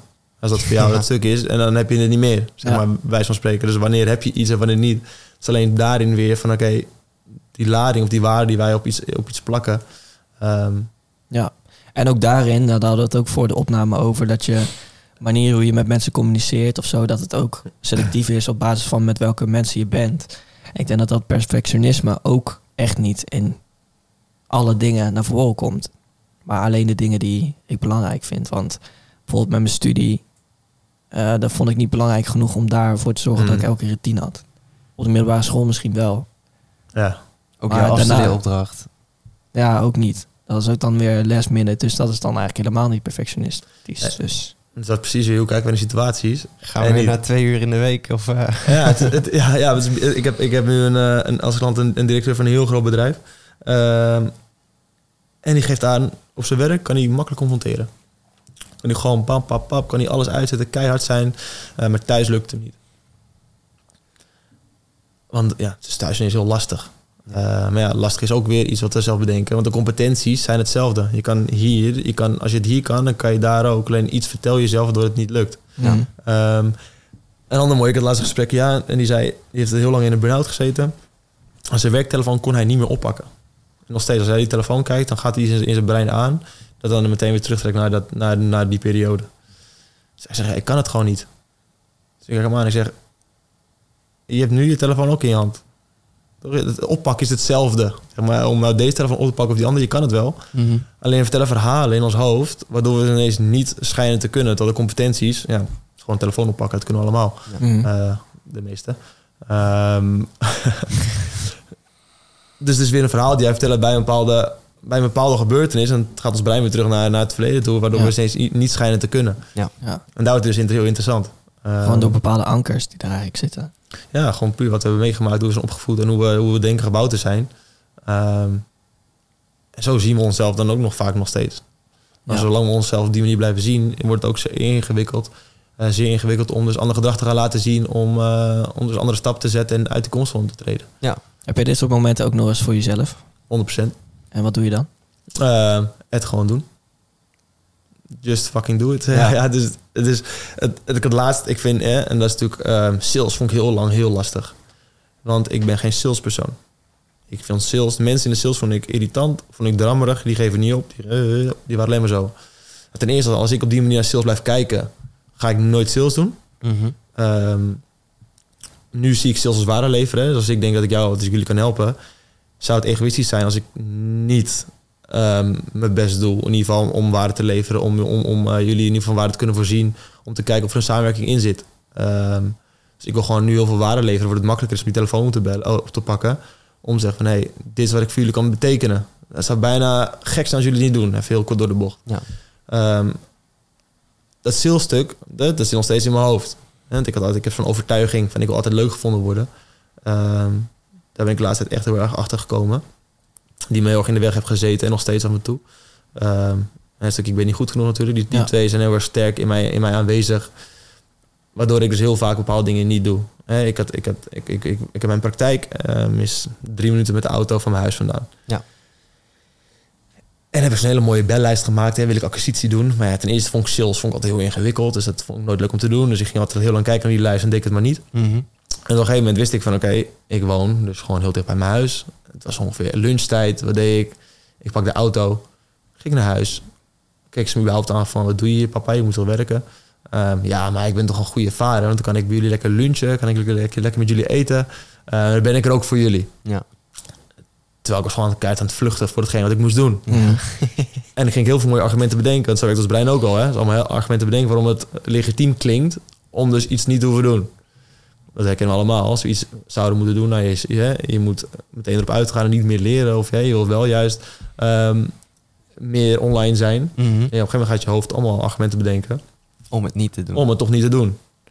Dus dat is ook wel leuk van ons brein. Die gaat allemaal echt keihard zijn best doen om dus lekker te blijven Ja. waar we al staan. Zeg Jou maar. je gewoon Ja. echt tegen. Ja. Ja. Eh, dus ik heb het zeker ook nog. ehm, en soms trap ik er nog in. En soms, soms verlies ik van het stemmetje. Eh, heel vaak Ja. kan ik die gewoon tackelen en is het gewoon eh, uitzwaaien en laten zijn. Het stemmetje gaat toch nooit weg. Het blijft het toch. Nee, klopt. Ehm, Maar ja, misschien is überhaupt al bewustzijn iets wat heel veel mensen ook niet hebben. Daarin. het verbaast me inderdaad. Maar misschien dat, misschien dat je beroeps... eh, als ik, ik zit er natuurlijk heel veel in. En voor mij is het echt ehm tweede natuur bij van spreken. Heel veel mensen die hebben nog geen, geen idee. Nee. Dus bewustwording is sowieso key. Als je niet bewust bent van dingen wat je doet, kan je ook, kan je ook niet, niet veranderen. En op het moment dat jij bewust bent van... dan is ook een beetje een andere, andere actie kan gaan doen. Dat Soms niet moet het ook maar even doet. langskomen. Dat, dat, sommige dingen kom je ook zelf niet op. Die heb je dan even gehoord bij iemand. Of dat komt dan voorbij en dan denk je, oh ja. Nou, zo kan ik eigenlijk over na gaan denken. Hmm. Misschien nu ook wel. Iemand die luistert denkt, oh ja. Inderdaad, die gedachten, die heb ik ook. Maar ben er eigenlijk nooit zo mee bezig geweest... dat die ook op die manier benaderd kunnen worden. Maar Het is wel meteen een, voor, een voorbeeld van wat ik aan het begin zei. Van ik, ik hoop dat we ook nu voor onszelf dingen tegenkomen van we denken, ja, dit is eigenlijk wel iets wat we kunnen gaan gebruiken. Mhm. En nou ja, je hoort het al in het gesprek zelf, maar soms moet je gewoon bepaalde ehm, shifts hebben in je mindset van, of gewoon puur in je gedachten van ja, waar wil ik nou eigenlijk naartoe en waar komt het nou door dat dat nog niet werkelijkheid is? Ja, en dan ben je zelf. Ja, ja dat blijkt. Dat is al die overtuigingen die erin zitten. Ehm, daar moeten we bewust van zijn. Ik, ik zeg, ik had laatst met, een- met, een- met, een- met, een, met, een, met, een, eh, met een klant alles uiteen en hij moest gewoon telefoon oppakken en hij moest gaan bellen. Maar hij had de verklaring over zichzelf dat hij, hij heeft de gunfactor, maar alleen als we elkaar zien, persoonlijk zijn, dus alleen als je naar je klant toe gaat en je spreekt met elkaar, Mhm. dat is persoonlijk zijn, alleen dan heeft hij de gunfactor.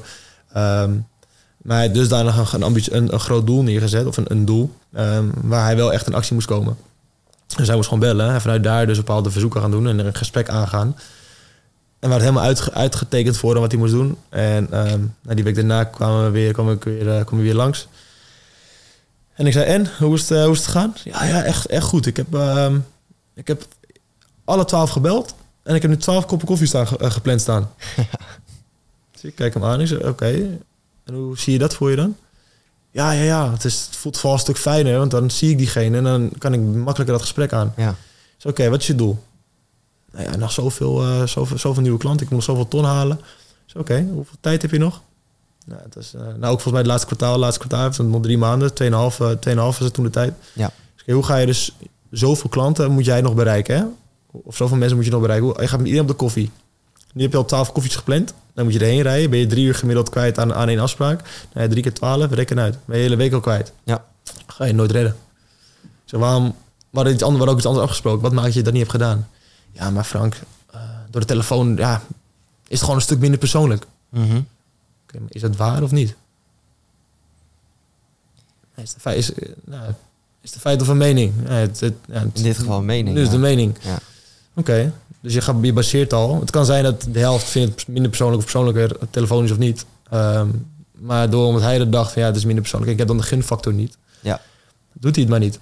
Want van de andere kant, als je het even gaat bekijken, hij heeft nu twaalf afspraken, maar in die twaalf afspraken weet hij nog niet wat hij daaraan gaat hebben. Terwijl als je telefonisch gelijk had besproken, dan waren er misschien drie die hadden gelijk ja gezegd. Ja, hij beseft hoeveel je ook kan bellen in drie uur.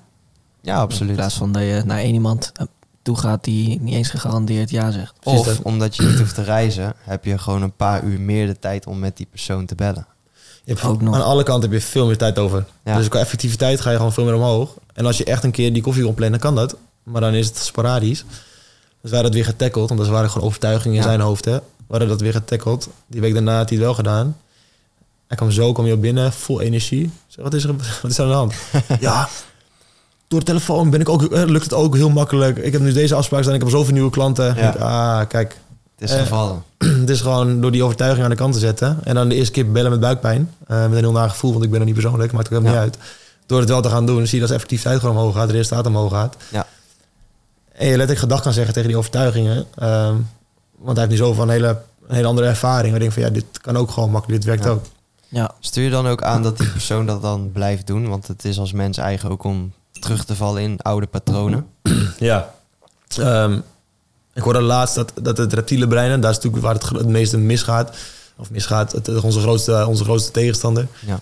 Dat drie tot vijf jaar nodig heeft om, eh, om te veranderen. Moet je kijken. dus dat is echt, echt wel een lange, een lange periode. Mhm. Ehm waardoor je dus continu dus sterk mee bezig moet gaan. Want nee, je brein, wat ik net zei, gaat continu terug naar, ehm, naar dat, dat, in mijn geval het kleine jochie van vroeger, of die, dat kleine meisje van vroeger, of dat, het, het, het kind in jou, zeg maar.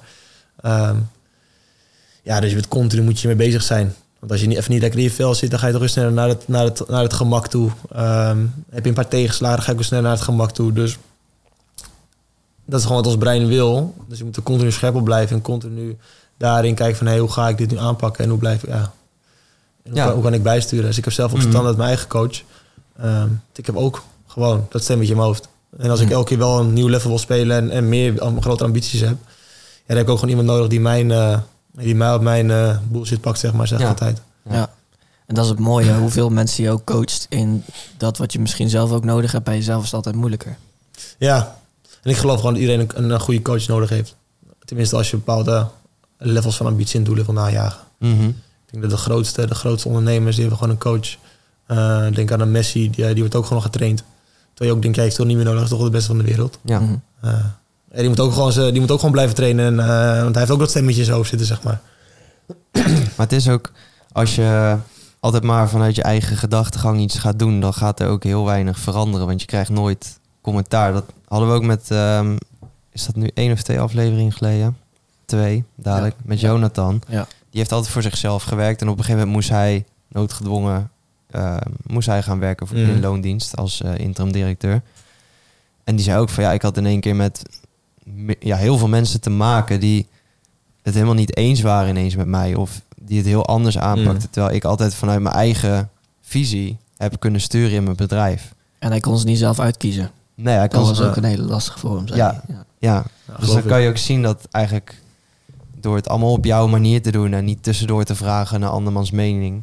Ik bedoel, je hoeft het daar niet mee eens te zijn. Maar je kunt er wel inderdaad naar luisteren en het gebruiken om ook jouw perspectief te veranderen. Ja, de situaties veranderen ook gewoon per definitie. Ja, Dus als ik nu, stel ik ben nu, eh, ik, ik, bouw, ik wil heel veel personeel bij zo'n spreken. Ja, dan ga ik straks, als ik 10, 20 man in dienst zou hebben, dan zou ik Mhm. iemand anders moeten zijn dan dat ik nu ben. Ja. Mhm. Dan zou ik wel letterlijk moeten shiften en kijken van oké, wat heeft, welke frank is er nodig om dit te gaan managen. Dus het vraagt gewoon heel iets anders van mensen. En je ziet vaak dat mensen daarin doorstromen en doorgaan, doorgaan, doorgaan. Een heel mooi bedrijf neerzetten. Maar op een gegeven moment zelf niet veranderen. Of in ieder geval niet weten hoe. Of het gewoon niet doen. Ja. Ehm, waardoor het dan ergens scheef loopt. Want dan gaat het gewoon, ja, dan past dat level niet meer bij hetgeen wat je nu wil, wil uitzetten of wil bereiken, zeg maar. Ja. Ehm, dus het vraagt gewoon continu aanpassingsvermogen van jou als persoon. Om te kijken van oké, welke situatie verwacht nu dit van mij en wat moet ik daarvoor doen? Ja. Ehm, dat is gewoon echt een bepaald level van bewustzijn creëren. En ook volgens het besluit vaardig genoeg zijn om ook dus de keuze te maken die daarbij passen. Ehm, dat is eigenlijk in elke situatie waar je terechtkomt. Hè? Want er net ook in het begin natuurlijk over. Als je kijkt naar... Hè, ik, zie, ik, ik, ik begrijp heel veel ondernemers die ook kinderen hebben. Ja, je moet gewoon, als jij thuis komt... dan moet je gewoon iemand anders zijn dan die, dan die ondernemer in je Ja. bedrijf. En als je dat niet doet, ja, dan wordt het ineens heel moeilijk om, om je werk los te laten. Ehm, en omdat we daar vaak niet de, de juiste dingen voor inzetten. Maar dat is zeer ingewikkeld. Als ik nu thuis kom en die kleine komt om me af. En ik ga heel zaken lopen doen. En ik denk, ik ga hem nog even lopen coachen bij zo'n spreken. ja. En dan geef ik hem een knuffel. dan ga ik, met hem, ga ik met mijn stem ga ik veranderen. En dan ga ik hem oppakken. En dan, ga, en dan ben ik ineens heel iemand anders. Mhm. Dan, ehm, Dat doe je niet met je klanten. dat doe ik niet met mijn klanten. Ja, tenzij, we heel lang met elkaar samenwerken. Dan, eh, Kom maar even. hier. ja, ja. Ja, ik ben ook wel benieuwd naar het stukje, daar hebben we het nog niet echt over gehad, het stukje boksen binnen je bedrijf ook inzetten. Mm. Hoe moeten we dat ons voor ons zien? Eh, ja, dat doe ik dus nu voornamelijk bij, bij, bij teams. Ehm, eh, ik zeg vaak de manier hoe je bokst staat, zie je niet maar hoe jij in het leven staat en op de werkvloer staat. Dus blinde vlekken, patronen, eigenschappen en stijlen van een individu. Maar over een team, die komen binnen no time naar voren. Ehm, en daar kan je aan de slag. Hè? Ehm, Het is eigenlijk een soort screening. Ja, eh, een heel groot percentage van ons gedrag is gewoon onbewust. Ehm, en we, wat we net zeiden, we kunnen niet iets veranderen waar we niet bewust van zijn. En het leuke is door fysiek met elkaar aan de slag te gaan, is vaak een hele mooie, een, een mooie startmoment. Want alle patronen, alles wat er binnen het team speelt, wordt direct zichtbaar. Ehm, en dan kan, je, dan kan je dat vastpakken. Het zijn echt om de meest kleine, de meest kleine handelingen, de meest, de, hetgeen dat we zeggen, dan moet ik gewoon echt continu scherp op zijn en dat terugleggen. Ja. Dat is het meest waardevol. Ehm, dus je ziet de mensen die continu bijvoorbeeld ruimte nemen, hè, of die alleen maar naar voren gaan, die niet eens nadenken. Ja, die zie je ook vaak in teams dat die al ervoor gaan staan en al daar zijn, uh, terwijl de rest van het team al daar staat, bij van spreken. Ehm, dus al die kleine dingen zie je, zie je heel snel terugkomen. Ik had laatst een, een team en ik vraag, ik vaak, ik, vra- oh, ik vraag vaak van hey, wie wil een bepaalde werkvorm voordoen? Nou, het was tien seconden was het stil. Gegeven moment kwam er één dame en die zei, "Pff, als het zo lang duurt, dan eh, doe ik het wel hoor. ja. Dus ik, eh, ik kijk haar aan en ik zeg, nou, dit was 10 seconden, denk ik. Maar herkennen we dit? Herken je dit? Hoe gebeurt het vaker? Mhm. En dan zag je, dan zag je al die mensen eromheen zag je lachen. Eh, ook in de vergadering zijn dan continu alles op zich. En er wordt dan een patroon in het systeem. Hè? Dus als, als iedereen, als er wordt, iets wordt gevraagd, dan gaat ook al onbewust op een gegeven moment. Dan wacht 10 seconden en Pietje die zegt wel ja. Ja. Nou, op een gegeven moment wordt iedereen die is dat gewend. En Pietje had continu ja. En Pietje die wordt zagrijnig en die, die loopt over. En die, die heeft er last van. Terwijl iedereen denkt van ja, het is toch nog, ja, dit doe je toch altijd. Dus zo'n die hele kleine dingen, wat meteen zichtbaar wordt. En dat is tof. Ik had eh, een laatste leidinggevende, dus, dus die, die zeggen on point. En ehm, om het iets meer zichtbaar te geven hoe, wat het kan betekenen, of hoe, hoe, het, kan, hoe het kan uiten. Ehm, die, moest die moest stoten als ik, als ik ging tellen. Maar die stoot dan recht om, was recht om mijn buik. Mhm. Ehm, en hij was al aan het stoten voordat ik überhaupt iets zei. Dus ik leg het stil. Ik zei al aan de groep van, hé, hey, wat gebeurde hier? Ja, ja, ja hij, eh, hij luisterde niet. Hij was al begonnen met stoten. Ik zei, oh, oké. Dus ik had terugleggen aan hem ook. Oké, dus je begint pas als ik tel, want het is wel mijn lijf waar je op stoot. Als ik tel, dan pas ga je stoten. Meteen weer, hè. Hup. Hij begon weer te stoten zonder dat ik wat, wat zei. Dus ik had het weer stilgelegd. Ik zei, en herkennen we dit, jongens? En toen moest iedereen lachen. Ik zei, herken je dit ook? Ja. Dus vanuit zijn gedrevenheid, Mhm. hij wilde heel graag, luisterde gewoon niet, niet naar zijn team en naar de mensen om zich heen. Want waar het ergens gebeurt, dan gebeurt het vaker nog meer. Ehm, en dat zijn zulke, zulke mooie momenten die je meteen kan vastpakken en waar je op verder op kan voortborduren. Ehm, en met het team, want al die zijn ook allemaal gewoon patronen onderling. Als die zichtbaar zijn, dan pas kunnen we ander, ander gedrag gaan laten zien en ook kunnen kijken, kunnen kijken van oké, hoe ga je er nu volgens mee om? Ik vind dat wel heel interessant. Maar ik vind dan ook interessant om te weten hoe je daar dan achter bent gekomen dat mensen dat op die manier ook laten zien zo snel.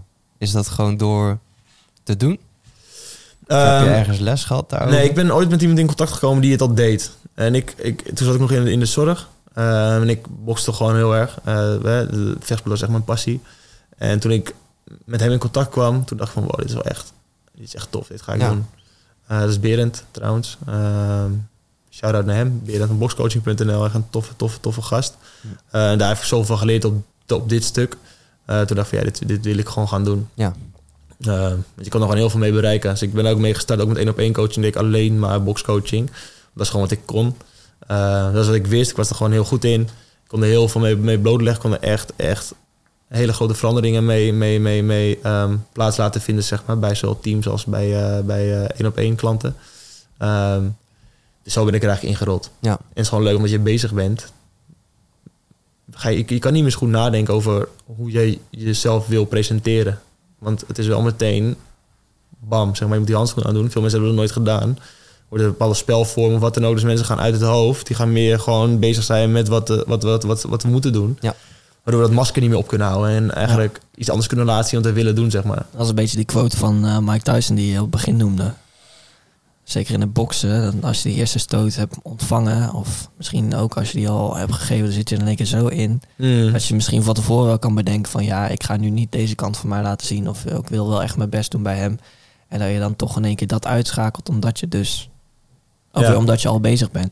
En de primaire jij komt gewoon naar boven. Dus je default mode, hè, dus degene wat we gewend zijn, waar we, waar we op gebouwd denken zijn, ja, die komt gewoon terug. Ja. Ehm, en dan ga je onbewust ga je er maar in, op welke manier dan ook. Eh, en dat is, dat is gewoon dat is wel heel tof. Ja. Eh, dus gewoon op een andere manier met elkaar aan de slag gaan. Om heel veel inzicht en bewustzijn te creëren van dit is wat jullie doen.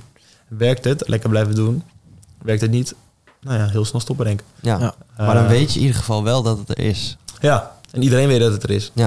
Dat is het leuke van zo'n sessie.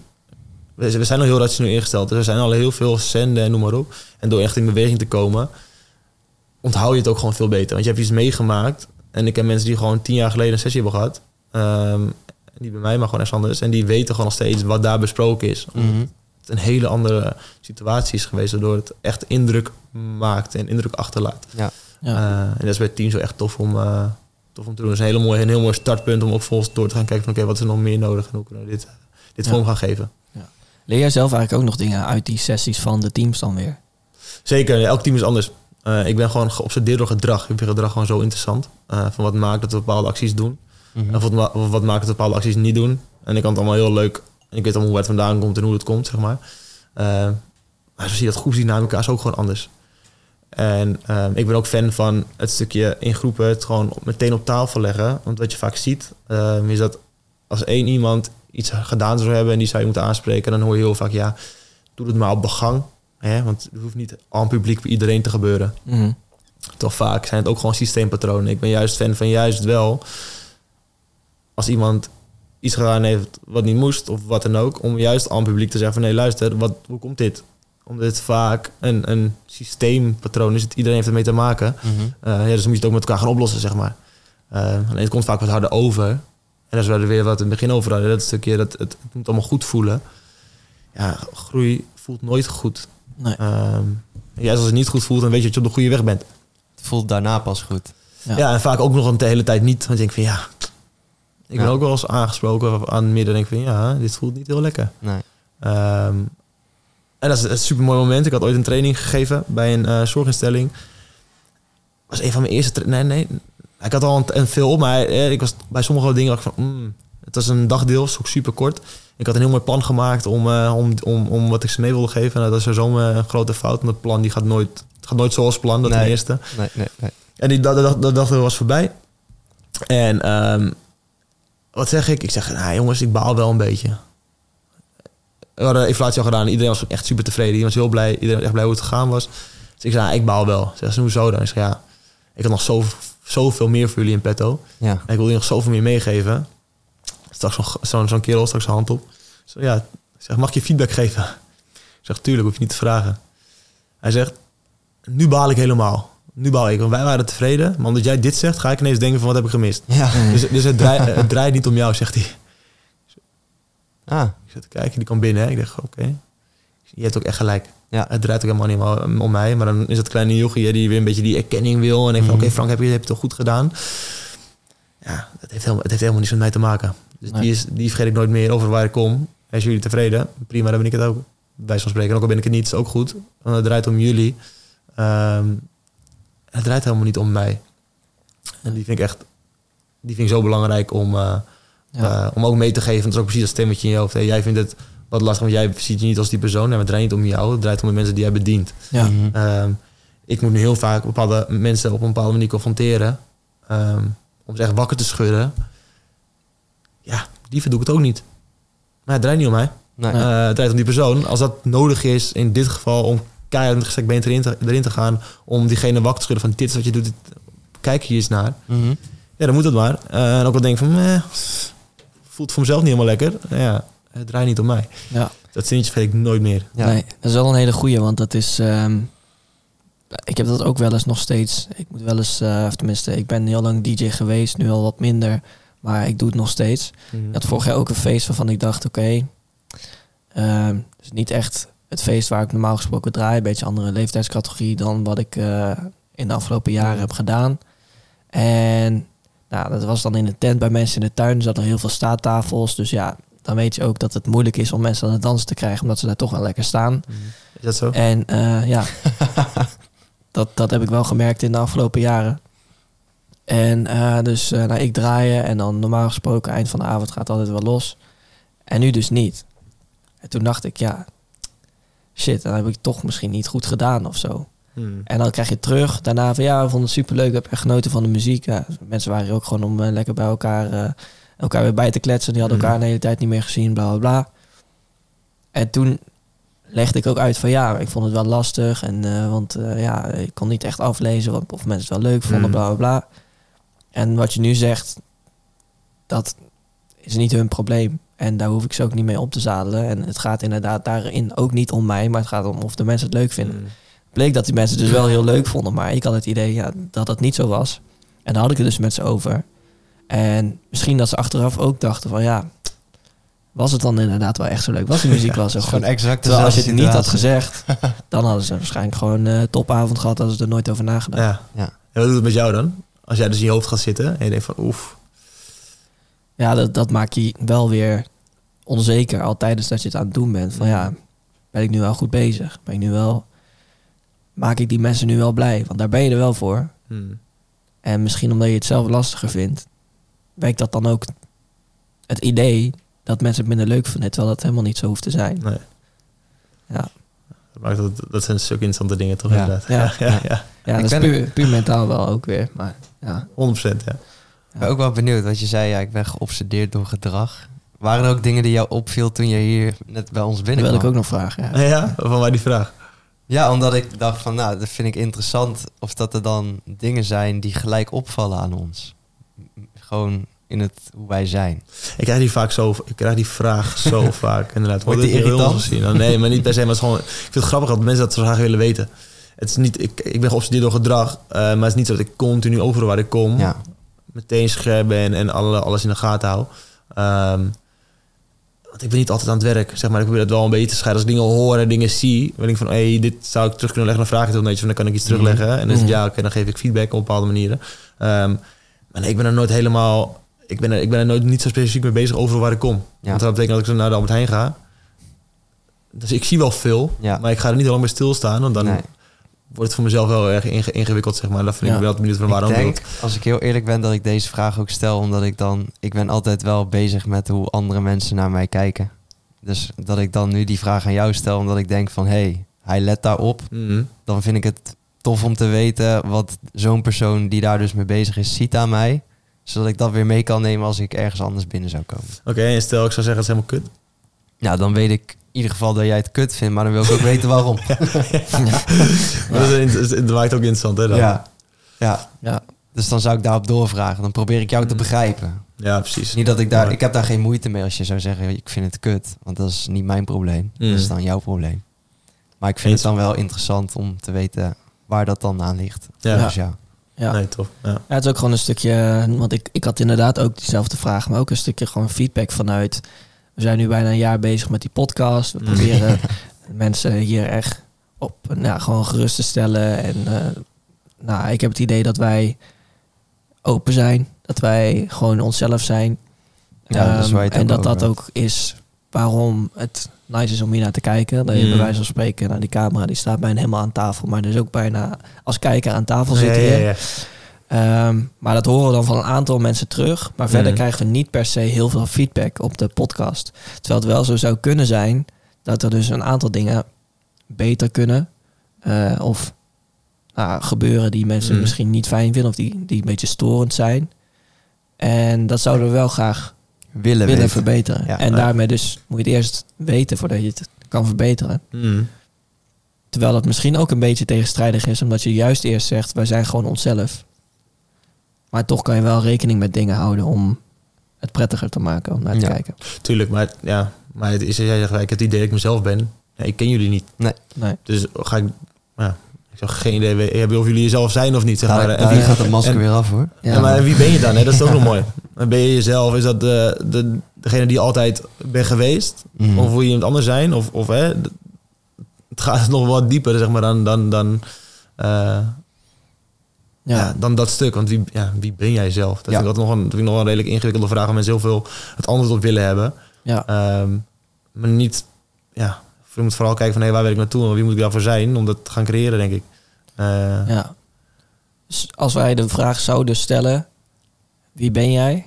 Zou je dat kunnen beantwoorden dan? Ehm, dat is maar hoe je, hoe je wil hebben. Ehm, want daar is precies het stukje business-wise Ja, thuis. ja, ja, ja. ehm, Wie ik was. Hè, veel mensen die... Als ik, in mijn eerste instantie zou ik zeggen... "Oh, hè, dan kan ik heel erg naar het, naar het eh, verleden refereren, zeg maar. Ik ben iemand anders. Ik wil iemand anders thuis zijn... dan dat ik in de business ben. Ja. Ik wil iemand anders bij mijn vrienden zijn... dan, ehm, dan dat ik thuis ben. Ja. Eh, bij zo'n spreken als, als vader, zeg maar. Ja. Eh, dus daarin is continu voor jezelf kijken, of voor mezelf kijken van oké, thuis wil ik simpelweg iemand anders zijn dan op, het- op het werk. ja. En zo zijn wij hier aan tafel ook wel toch net een andere versie van ons dan hoe we verder in ons leven zijn. Je hebt het één keer geprobeerd om eh, eh, de podcast Stef ergens anders extern in te zetten. Ja. ja, Dat ging best goed. dat ging best goed, ja.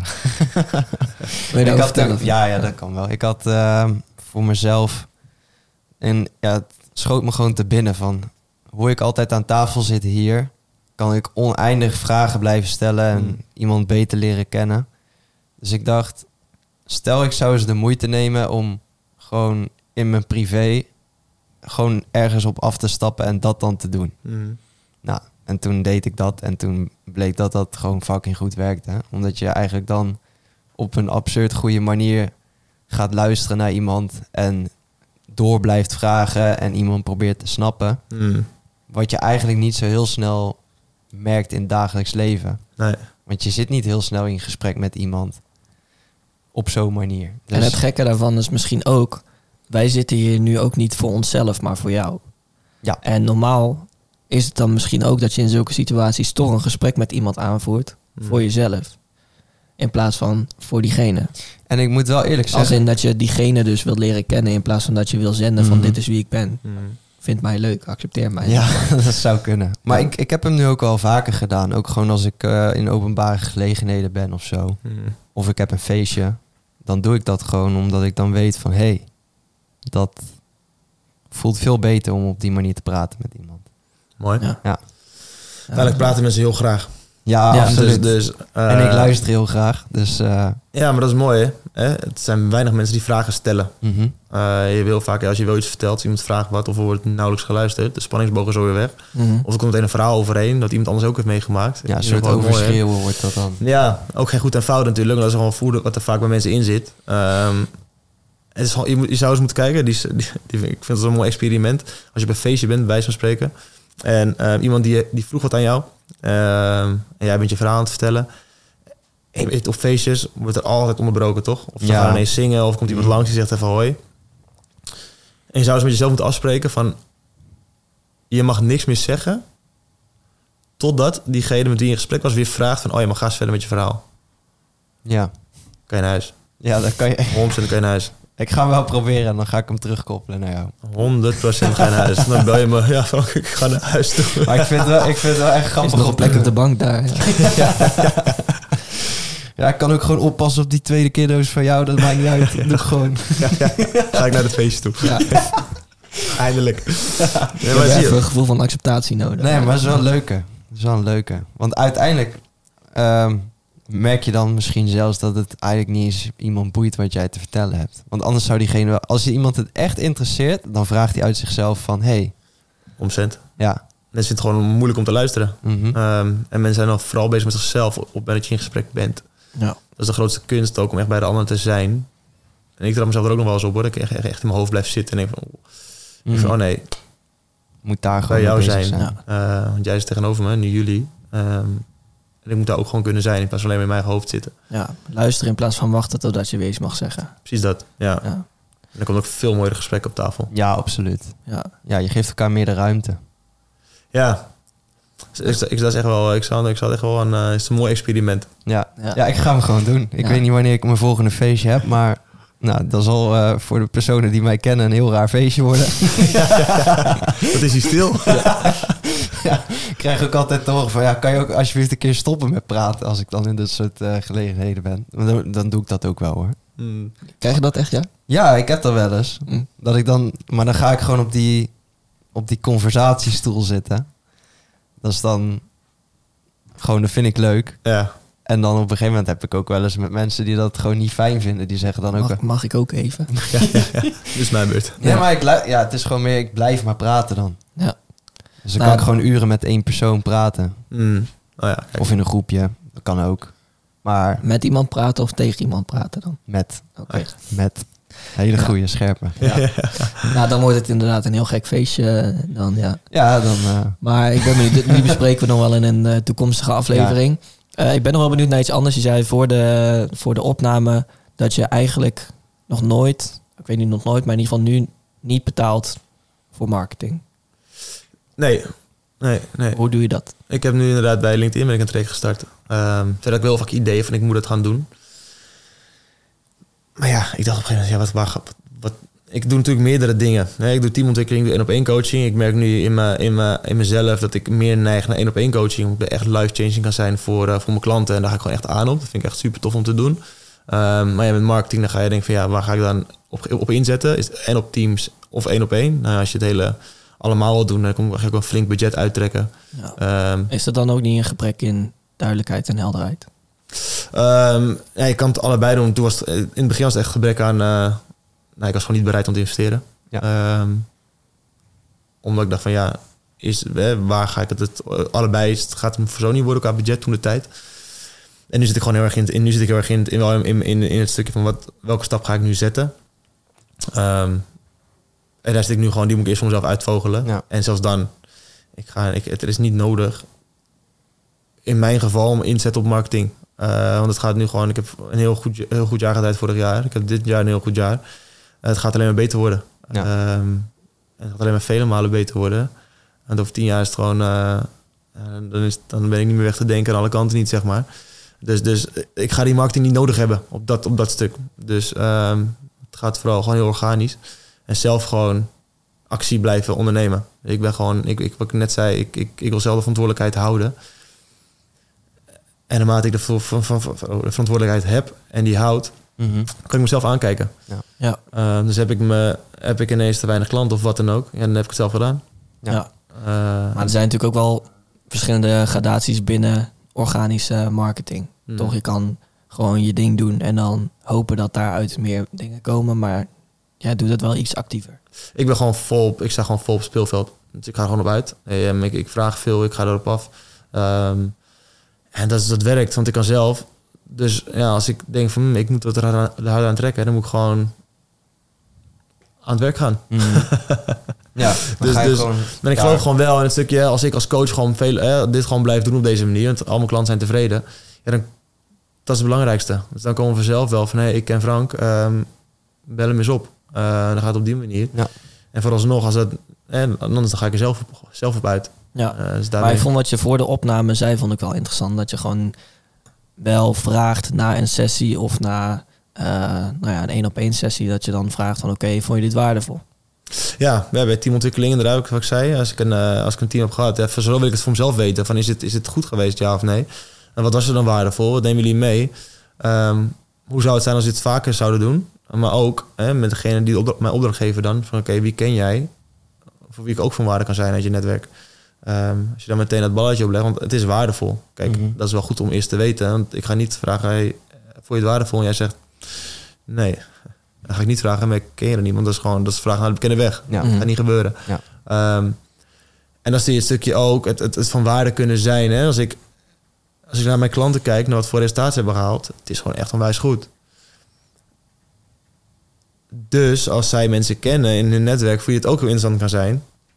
Om dus ook van zoveel waarde te kunnen zijn en zoveel impact te kunnen maken. Ja, dan is het ook een no- een no-brainer, zeg maar, om dat te kunnen doen. Stel, ik, Mhm. ehm, ik ga bij jou en ik ga content laten maken. En het is gewoon echt supergoed. Ehm ja, dan mijn mede-ondernemers, die, ga ik ook, die wil ik ook naar jou sturen. Want dat heeft mij gewoon geholpen. Mhm. Dus kunnen ze, en dan kan je diegene ook helpen. Ja. Ja.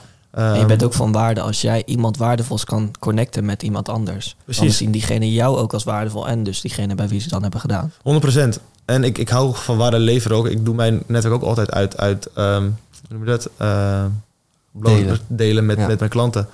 Eh, dus ik zie ook vaak, en dat is een leuke bijkomen, dat klanten geld verdienen naar mij. Mhm. Eh, want ik weer mensen kennen, linkjes zie van hey, deze is interessant voor jou. Mhm. Neem eens contact met diegene op. Ja, Ehm, zo help je elkaar gewoon. Eh, en ik vind het ook niet meer dan normaal. En ik hou ervan ook om dingen te geven en gewoon eh, op die manier van waarde te kunnen zijn. Ja. ja, en dan zie je gewoon dat het heel snel kan gaan, kan, kan gaan lopen ook voor de, voor de anderen. En ik vind het gewoon fijn om, eh, fijn om te doen. ja. Gewoon continu durven vragen. Eh, en het belangrijkste is gewoon je, je werk goed doen. Ja, en dat is ook een manier waarin wij nu waarde aan het opbouwen zijn. Door dus gasten zoals jij hier aan tafel te hebben. Hmm. Ook voor de andere gasten hebben we ook wel eens vaker ehm, van iemand gehoord. Dan hier in een gesprek nadat de opname klaar was. Ja, ik ben eigenlijk wel op zoek naar dit. Of ik heb eigenlijk dit wel nodig. Dat we dachten, nou, die hebben toevallig laatst nog gesproken. Dus Ja. hier heb je het nummer. Of ik vraag even of we dat nummer mogen doorgeven. Mhm. En op die manier ben je ook weer waardevol. Terwijl je er eigenlijk zelf niet zoveel aan doet. Behalve dus die mensen kennen. Dat vergeten mensen ook niet, hè? Dus als, ik word nu vaak gebeld door klanten van... Hey Frank, je hebt een groot netwerk. Ik heb nu even iemand nodig die dit doet. Nou, ik had vanmorgen dus... Wat kreeg een belletje. Die had een arbeidsjurist nodig. Nou ja, die ken ik. Dus dat is ook wel van waarde zijn. Ja. Ehm, Als moet je zelf gaan zoeken naar iemand die betrouwbaar is ja, die- online. precies dat. Maar je hebt ervaring met de persoon omdat je die al kent. Ja, dus het is, gewoon, het is gewoon fijn om zo snel van waarde te kunnen zijn. En dat vergeten mensen niet meer. Nee. Van, oh ja, ook al is het geen klant. Oh ja, maar Frank had wel dit voor mij gedaan. Ja. Ehm, dus je bouwt... Ja, ik En de wel, moeite is echt heel klein. Ja, ik vind het en leuk. Het is kleine moeite. En ik geloof wel een stukje het geven loont. Hè? Het stukje Ja. het, het daarin gewoon heel veel waarde geven. Eh, komt op welke manier ooit al een keer terug. Ja. Mhm. Ehm, Ja, een uitspraak die daar dan ook weer een beetje bij past, is dat eigenlijk elke vorm van marketing een versterking is van mond tot mond reclame. ja, Dus ehm, de kern is eigenlijk altijd dat je gewoon veel meer waarde moet leveren dan dat mensen het idee hebben dat ze aan je hebben betaald of dat ze hebben moeten opofferen. Hmm. En dan krijg je tevreden klanten en dan gaat dit hele proces op deze manier eh, in zijn gang. 100%. Het moet gewoon waarde zijn. Ik zeg ook mensen, als mensen mij willen starten, ja, dan moet gewoon de investering moet er gewoon dubbel en dwars uitkomen. Op welke manier dan ook. Of het nou levenskwaliteit is, of het echt, echt puur uit cent is, of wat dan ook. Ja, het moet gewoon aan alle kanten moet het gewoon eruit komen. Ja. Ja. Uh, dat is zoiets waarvoor ik, uh, waarvoor ik ga. Mijn commitment krijgen ze sowieso. Mhm. Uh, en als zij ook die 100% commitment geven, ja, dan is het resultaat bijna gegarandeerd. Het kan bijna niet misgaan. Ja. Als, als je doet wat je, wat je moet doen. Ondanks een stemmetje in je hoofd, zeg maar. Heb je dan ook wel eens mensen afwijzen? Ja, Ja, Terwijl als ik hem niet voel. ehm dan heb ik gelukkig wel de luxe dat het kan. Hè? Eh, ehm, en ik geloof ook, ook heb je de luxe niet dat het kan, moet je dat alsnog doen. Ehm, mijn bedrijfsnaam hangt er ook aan. Dus eh, ik, de reden dat ik uit de zorg ben weggegaan, onder andere, is dat ik daar geen energie meer kreeg. Ik ben heel resultaatgericht. Ik ben heel gedreven, ik ben heel ambitieus. Ja, ik wil ook gewoon resultaat zien. Ehm, en ik merk dat het bij, bij die doelgroep vaak niet meer werkt of niet meer ging. Of ze moesten van een organisatie, ze moesten van de gemeente, ze moesten van ouders. Of ik kreeg een jongere. Terwijl ik denk van ja, ik wil eigenlijk met, met de ouders aan de slag. Maar daar was het geld niet voor. Hè. Dan krijg je een hele bureau- eh, bureaucratie eh, ding. Ehm dus ik dacht van ja, dit, dit werkt niet meer. Het kost mij heel veel energie.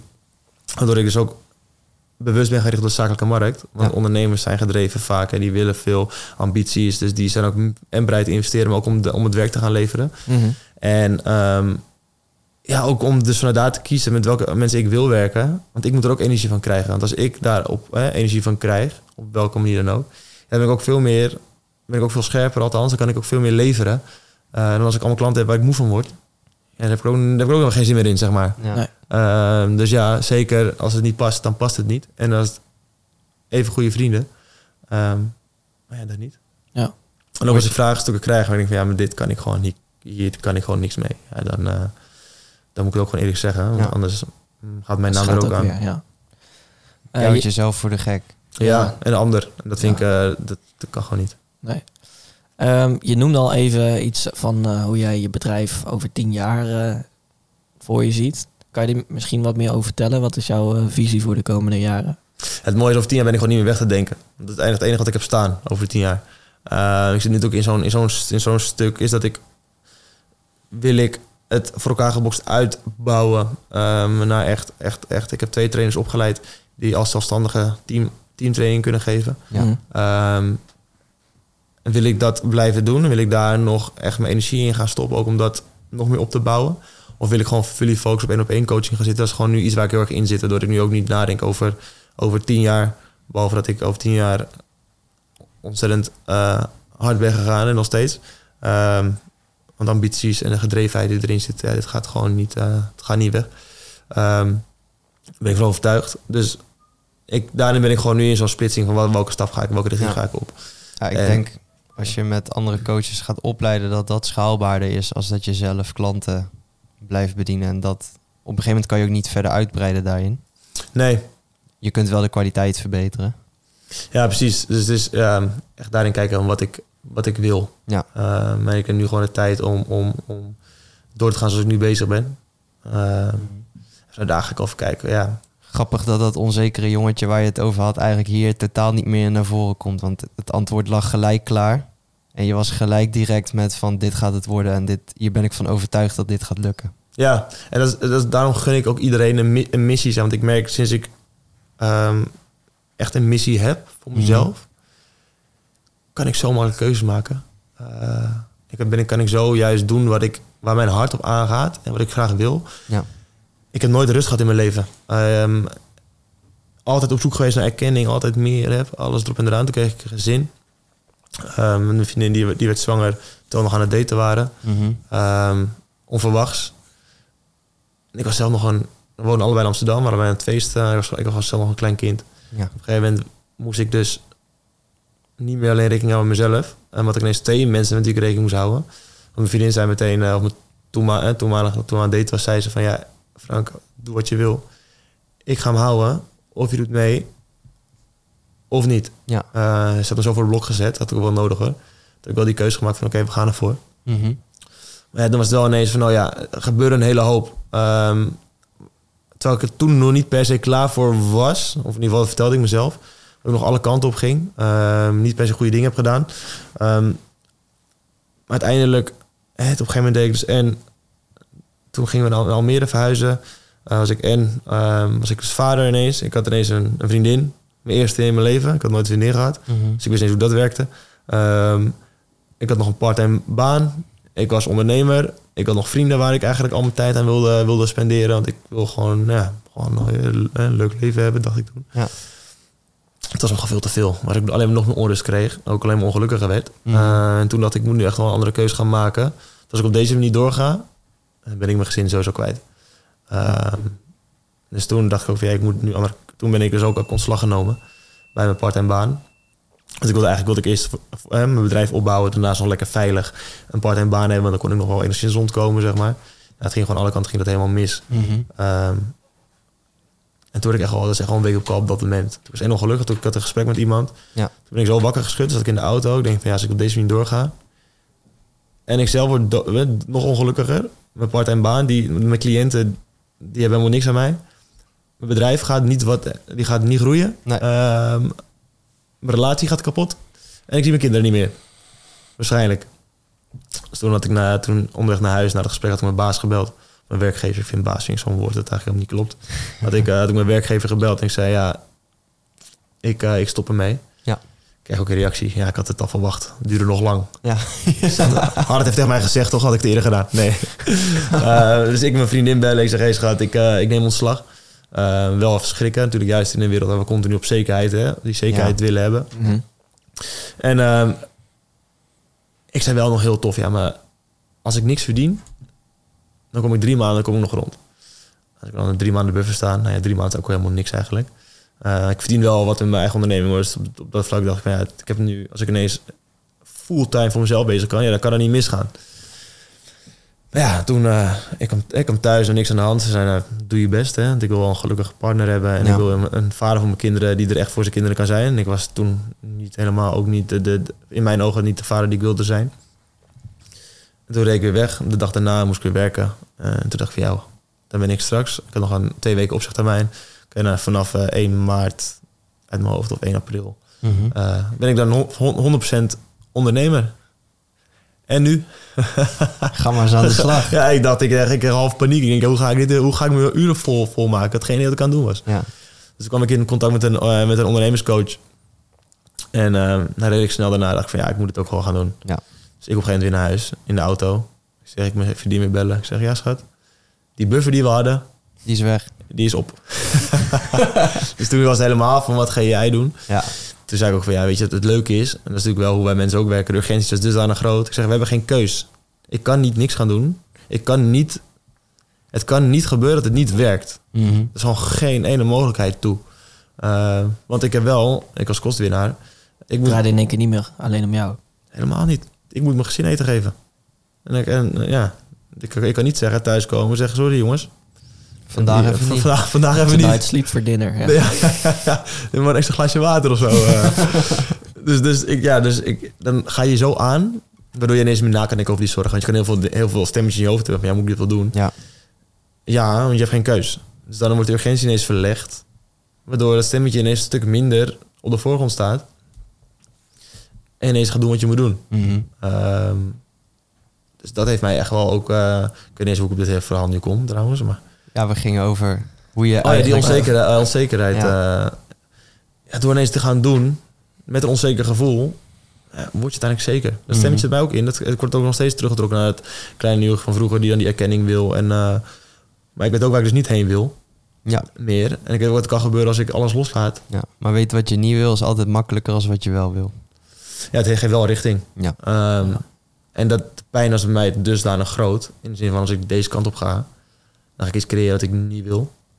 Eh, waardoor ik nu oh, zo kan we op die missie hebben. Hè. Dus daarom, die, zo is mij die, dat, die missie ontstaan ook. Ik wil gewoon ontzettend veel waarde kunnen geven en impact kunnen maken op mijn leven, op het leven van mijn, van mijn gezin. Ja. Maar uiteindelijk dus ook op het leven van mijn vrienden en het leven van mijn klanten. Want hoe meer waarde ik kan leveren, hoe groter ik word, hoe meer ik ook kan betekenen voor de mensen om me heen. Ja. Eh, en dat is natuurlijk echt belangrijk. Dus daarin, vanuit daar ben ik zo overtuigd dat over tien jaar dat het nog aan alle kanten goed gaat. Want die missie is dusdanig krachtig Mhm. dat ik alles blijf doen wat ik moet doen. Op het moment dat het niet goed gaat. Op het moment dat het gewoon gaat. En op het moment dat het goed gaat. En zolang we in actie blijven komen. ondanks het stemmetje in ons hoofd, ondanks alle verhalen die wij op dingen plakken, zolang we in actie blijven komen, ja, dan, dan, dan komt het sowieso. Geloof Mhm. gewoon in dat het gewoon sowieso goed komt. Ja. Input is verantwoordelijk voor de output. Maar dat is ook weer een stukje een bekende uitspraak van eh, Alex Homozy. Dat je uiteindelijk niet zelfverzekerd wordt door maar affirmaties te in de spiegel te schreeuwen naar jezelf. Maar een undeniable stack of evidence of proof hebben dat je inderdaad dat bent wat je wil zijn. En dat komt uiteindelijk alleen maar daar als je dus ook die, die actie gaat uitvoeren. Ja. Dus dat is misschien ook misschien wel de belangrijkste les uit dit gesprek. Dat je niet alleen maar dingen moet doen op basis van of het goed voelt, ja of nee. Maar denk na, wat is er nodig? Hmm. En dat dan maar met tegenzin doen. Of tijdens dat je je niet goed voelt. Ja, gewoon doen met een naar gevoel. Ja. Denk aan sporten. Niemand vindt het lekker om, eh, als je gaat squatten, om eh, ik wil 100 kilo op je rug te hebben en naar beneden te gaan, omhoog te Nee. gaan. Nee. Weinig mensen die dat echt heel lekker vinden. Maar ja, daarna, als je naar huis rijdt, heb je toch lekker getraind. Ja, Zeg maar. Dus- kijk naar die marathon die wij hebben gelopen laatst. Ja, eh, ja. Was ook geen pretje. over gehad, maar... eh, Nee, was geen pretje tijdens die marathon. Dat heeft heel veel pijn gedaan. Zeker richting het einde, omdat we best wel ondertraind waren. Ik zei toen ook nog in die aflevering die we daar hebben opgenomen in Chicago van... Ja, ehm, even kijken waar ik naartoe wilde. ja, ik stond in dat startvak en ik dacht, ik heb hier zo geen zin in. ja, ja. ja. Terwijl die hele weg daar naartoe, dan heb je het hele jaar erover. Ik moet geld inzamelen voor Kika dan Mm. eh, in ons geval. En dan heb je het er met mensen over. Ja, ja, echt wel leuk. En dan ga je weer naar Amerika. En dan, ah, vet toch? Ja, ja, heb je er zin in? Ja, en dan sta je daar en denk je, ja, godverdomme, nu moet ik eigenlijk Ja, ook gaan is- rennen ook nog. En daar, daar had ik eigenlijk helemaal geen zin in. Ja. Dus nu ook weer in die high Mm. van ehm, die week na die marathon, dat we het toch samen hebben gedaan. Dat we Mm. zelfs arm in arm over de finish kwamen samen. Tof. Ehm, in die high toch weer ingeschreven voor volgend jaar. Want nu denk je, oh ja, dit is wel echt heel leuk. eh, vet. eh, dat gevoel wat je eraan eh, overhoudt, die trots weer. Maar ja, dan sta ik ongetwijfeld dan volgend jaar dan in New York weer in zo'n startvak. Dat denk ik, ja, wat heb ik mezelf toch weer aangedaan. 100%. ja. 100%. En dat is met heel veel dingen. Ook met het hele stukje over mijn eigen business. Dat je denkt, ja, de plannen maken van tevoren, dat is leuk, weet je wel. Dat Mm. kost nog heel weinig moeite. Dat is niet zo heel confronterend. En dan kan je lekker dingen uitwerken. En dan kan je zelf dingen leren die je dan kan toepassen, bla bla, bla. Leuk. En dan moet je in één keer klanten gaan benaderen. Ja. En dan denk je, ja, fuck. Het was een heel leuk plan, maar dit vind ik toch eigenlijk helemaal niet leuk. Ja, dus ga je plannen maken dan. Ja, ja dan ga je weer door Ja. met plannen maken. Ja, dat is, dat is wel hoe het gaat. Nog meer leren, nog Ja. meer leren. Ja. Ja. en dan zijn er steeds meer obstakels die er komen, want je weet meer. Terwijl als je dus wel achter die klanten aangaat en je hebt het eerste team binnen, dan komt daarna dat gevoel van trots wat wij na de marathon ook weer hadden. Misschien in andere mate, maar wel. dat weet ik wel zeker. Ja. Ik wilde daar, of ik wist dat dat hetgene was wat me tegenhield. Nu heb ik het toch gedaan. Achteraf is het nooit zo moeilijk als dat je in je hoofd haalt. En dan ben je in één keer over die drempel heen. Mm. Ja, soms heb je dus, blijkt weer, even die momenten nodig dat je dingen doet die je eigenlijk helemaal niet leuk vindt om te doen. Om wel Nee. er doorheen te komen. Tuurlijk. En ook al had je die marathon niet uitgelopen, is het ook gewoon, is ook, is ook het leven, zeg maar. Ook, Mm. ook- soms gaan er ook gewoon dingen niet zoals gepland of niet Ja. zoals je wil. Ja. Nou ja, dan weer door. En Maar de volgende keer vraag weer doen. is, hoe ga je daarmee om? Ja, Dat is het belangrijkste. Of om een quote van jou daartussen uit te halen. Je verliest nooit, je wint of je leert. Ik heb, hem ook- ik heb hem ook gestolen hoor. Ja, ja, ja, ja, ja, ja, ja. nu een beeld zo'n tegeltje met. En dan met jouw naam eronder. We hebben wel de sound effect voor die... Ja, ik weet alleen even niet waar die zit. Maar, Uiteindelijk is het wel zo, toch? Hè? Het is ehm, het leven die, eh, Ja. als we het in de bokstermen kunnen gebruiken en als metafoor kunnen pakken. Het leven geeft je gewoon raken klappen. Mhm. We gaan een keertje knockdown. Ehm wat doe je? Blijf je liggen? Of sta je Of op? ga je staan en dan ga je kijken van oké, wat is er nu nodig? Mhm. Om er even terug te stappen, om je heen te kijken, overzicht te creëren, helderheid te creëren, om weer door te gaan. Ja. Je kan simpelweg een wedstrijd ook niet vanaf de eerste minuut vol gas rammen, rammen, rammen. Hou je het gewoon niet vol. Dus af en toe even terugstappen, kijken. Wat is de situatie nu? Wie heb ik tegenover me staan? En wat vraagt dit van mij om iets weer te bereiken? Ja. En iets Ja. anders wat te willen. ja, En wij mensen zijn zo goed om continu hetzelfde te gaan laten zien. Continu hetzelfde gedrag te gaan laten vertonen. Mhm. En dan verbaas je dat er geen ander resultaat komt. Ja. En dan boos worden op de ander. Ja, maar ik, ik heb het al tien keer gezegd. Ja, maar als je het tien keer op dezelfde manier zegt. Dus dan moet je eens gaan kijken naar jezelf. Om te kijken van wat kan jij anders doen. Om te kijken of ik iets anders kan creëren. Ja. En ik geloof er heilig in. Altijd zelf eigen verantwoordelijkheid pakken. Zelf kijken, oké, wat kan ik hierin doen? Dan maakt het leven gewoon zoveel makkelijker. Dan maak je het gewoon compleet onafhankelijk van de buitenwereld. En kijk, elke keer naar jezelf kijken. Krijg je honderd nee's. Oké, nou ja, balen. Wat kan ik nu anders doen? Elke keer, gewoon elke keer daarnaar kijken. En als je dat spelletje door hebt, dan wordt het leven ook geen, nou, niet per se makkelijker. Mhm. Maar het is wel gewoon dan nou, elke keer doen. Zelf kijken naar mezelf. Oké, wat kan ik nu anders doen? Moet ik nu naar rechts, moet ik naar links, moet ik harder? Moet ik even een stapje achteruit? Moet ik nu keihard er doorheen? En gewoon kijken, hè. kijken of we iets anders kunnen Mhm. creëren. Ja. Bij mijn eh, ouders, toen ik eh, een paar jaar geleden, zeg maar, of nou ja, een paar jaar geleden, gewoon standaard uitspraak bij ons in het gezin was: verbeter de wereld, begin bij jezelf. Dus als ik dan met commentaar aankwam, bijvoorbeeld op mijn moeder, Mm. dan kreeg ik die terug naar mijn oren. En dan was zo van, ja, ja, dat zeg je altijd. Nu snap ik hem pas een jaartje of zo, denk ik. Ja. Maar het is echt zo. Je gaat altijd, moet eerst naar jezelf kijken, dan kan je het voor anderen beter maken. Of dan kan je het tenminste oplossen. Want vaak ligt het niet aan een ander. Nee, nee, ook wel ligt het wel aan ander. Dan moet je ook gewoon bij jezelf kijken, Mhm. toch? Wat jij, eh, Ja. wat jij anders kan doen. We wijzen wel heel veel naar anderen. Dat is makkelijker. Zeker. Zelf vind het heel moeilijk om verantwoordelijkheid te pakken. Ja. Om afspraken te maken. Want als je iets afspreekt en verantwoordelijkheid pakt, ja, dan ben je ook, hè, dan weer, kunnen ook jou aanspreken als het dus even niet gaat zoals Mhm. gepland, bij van spreken. Mhm. Eh, als het lekker aan de ander ligt. Als ik stel, ik, heb, eh, ik wil volgend jaar eh, een half miljoen omzetten. Of een miljoen, zeg maar wat. Ja. En het lukt niet, want al mijn klanten zeggen nee. Van mijn potentiële, al mijn leads die zeggen nee. En dan is het makkelijk. Dan is het, ja, dan is het ook niet mijn schuld, toch? Nee, dan, Ja. ja, nou ja, Wel dus. het aanbod, het aanbod, ik wel. Maar het is makkelijk om te zeggen van ja, als jullie Ja. nee zeggen, ja, lekker wijzen. het aanbod is dan dermate slecht dat hun zeggen van nee. Uiteindelijk is het, komt elke keer bij Dus jezelf. moet je je aanbod verbeteren en dan zeggen ze wel ja. Maar dat moet je wel. nog steeds zelf doen. Ja. Ja. Mensen zijn lekker gewend om lekker naar buiten te kunnen, kunnen gooien van ja, dit, zo ben ik. Maar zeker als je het gevoel geweest, altijd of- hebt gehad dat je niet goed genoeg bent, dan is het makkelijk om terug te schieten. Nou ja, maar ik ben toch niet goed genoeg, dus daarom komen ze niet. Maar is dat waar? Ja, nee dus. Nee.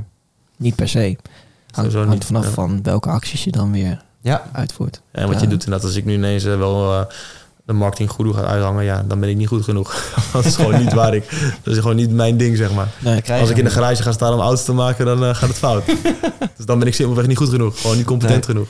Nee. Hangt er in één keer een moersleutel in plaats van een spiegel aan, je, aan de zijkant. Schuiten wisselen, ja, ja, ja, ja. Dus daar is wel continu kijken van oké, ben ik competent genoeg in waar ik nu sta? Mist het kennis? Ja, ga daar dan aan werken. Maar vaak Mhm. mist het niet aan de kennis. Ja, dan is het gewoon puur je overtuigingen die er in je eigen hoofd zitten, waardoor je dus iets niet doet. Ja, maar ook daar weer moet er wel dan een punt komen dat je zegt, oké, nu ben ik dus wel competent genoeg om dat te doen wat ik wil doen. Ja, Anders dan blijf je, zoals ik, oneindig doorgaan in het, ja, maar ik wil nog eerst verbeteren voordat ik tegen mensen kan zeggen van, kom maar hier, want eh, ik kan het wel voor je regelen. Mm. Ja cases draaien dan toch, inderdaad. Als je, Ja. als je twijfelt, ja, gewoon doen. Cases draaien en uh, bewijs verzamelen. Ja, en als je twijfelt over je waarde, eh, een manier om ook je eerste klanten binnen te halen zou dan kunnen zijn dat je gewoon begint met, oké, eh, eerste klant eh, doet het, of doe ik het gratis voor of tot 20% van de prijs die ik eigenlijk wil rekenen. Mm. Nou, dan doe je dat vijf keer. Dan doe je volgende vijf, eh, reken je 40% of de helft. En dan steeds door. Want ehm, dan kan je ook gaan testen van oké, tot waar kan ik door totdat mensen zeggen oké, ja, de waarde is nu niet eigenlijk goed genoeg voor dat wat ik ervoor neer moet leggen. Mm. Op die manier kan je ook weer die sweet spot vinden, maar kan je ook wel beginnen, ondanks dat je zelf niet helemaal zeker bent of je waardevol genoeg bent, leg je die drempel van de waarde die je ervoor terugkrijgt ook even lager, zodat je daar meer in kan komen. Ja. Misschien.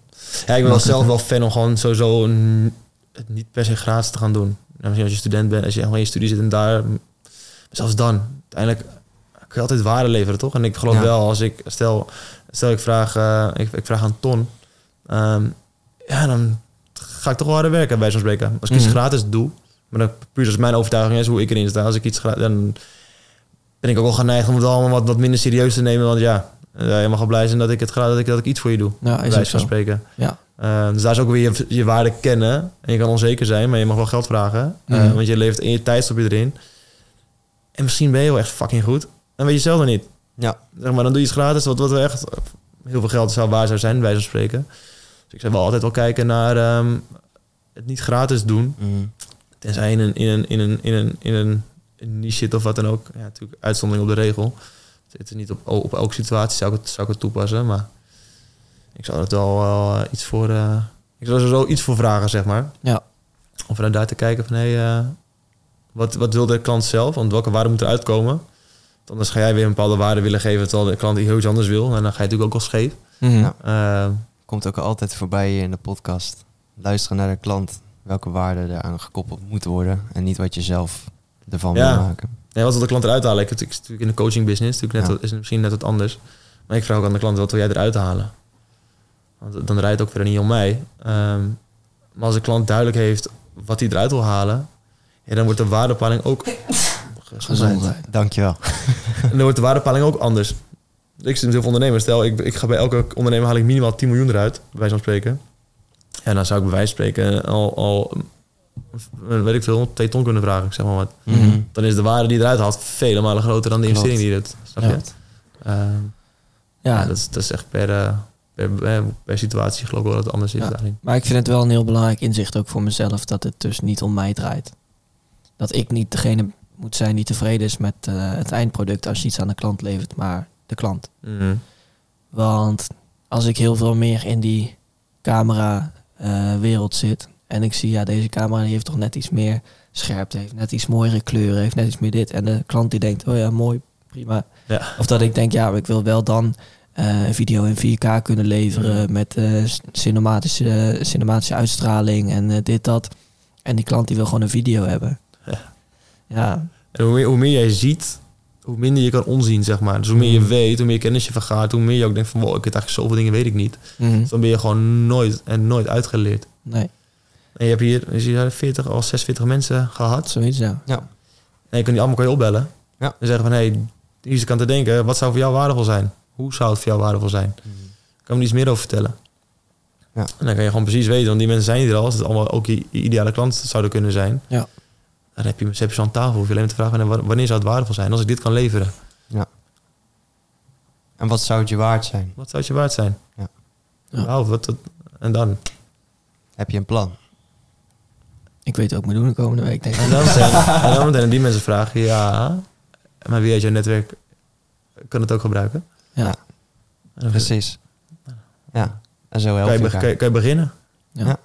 En Michel, die ook de reden is dat jij hier uiteindelijk... Ja, dat is trouwens niet helemaal waar, want je hebt ons ook Ja, zelf benaderd toen Uh, eh Michel gevolgd had, inderdaad. ja. maar Michel had net daarvoor, die week daarvoor, volgens mij ook al eh, jou doorgegeven als eh, mooie potentiële gast hier. Dus, ehm, maar die heeft toen ook inderdaad volgens mij gezegd van... die heeft ook een keer hier content opgenomen. Mhm.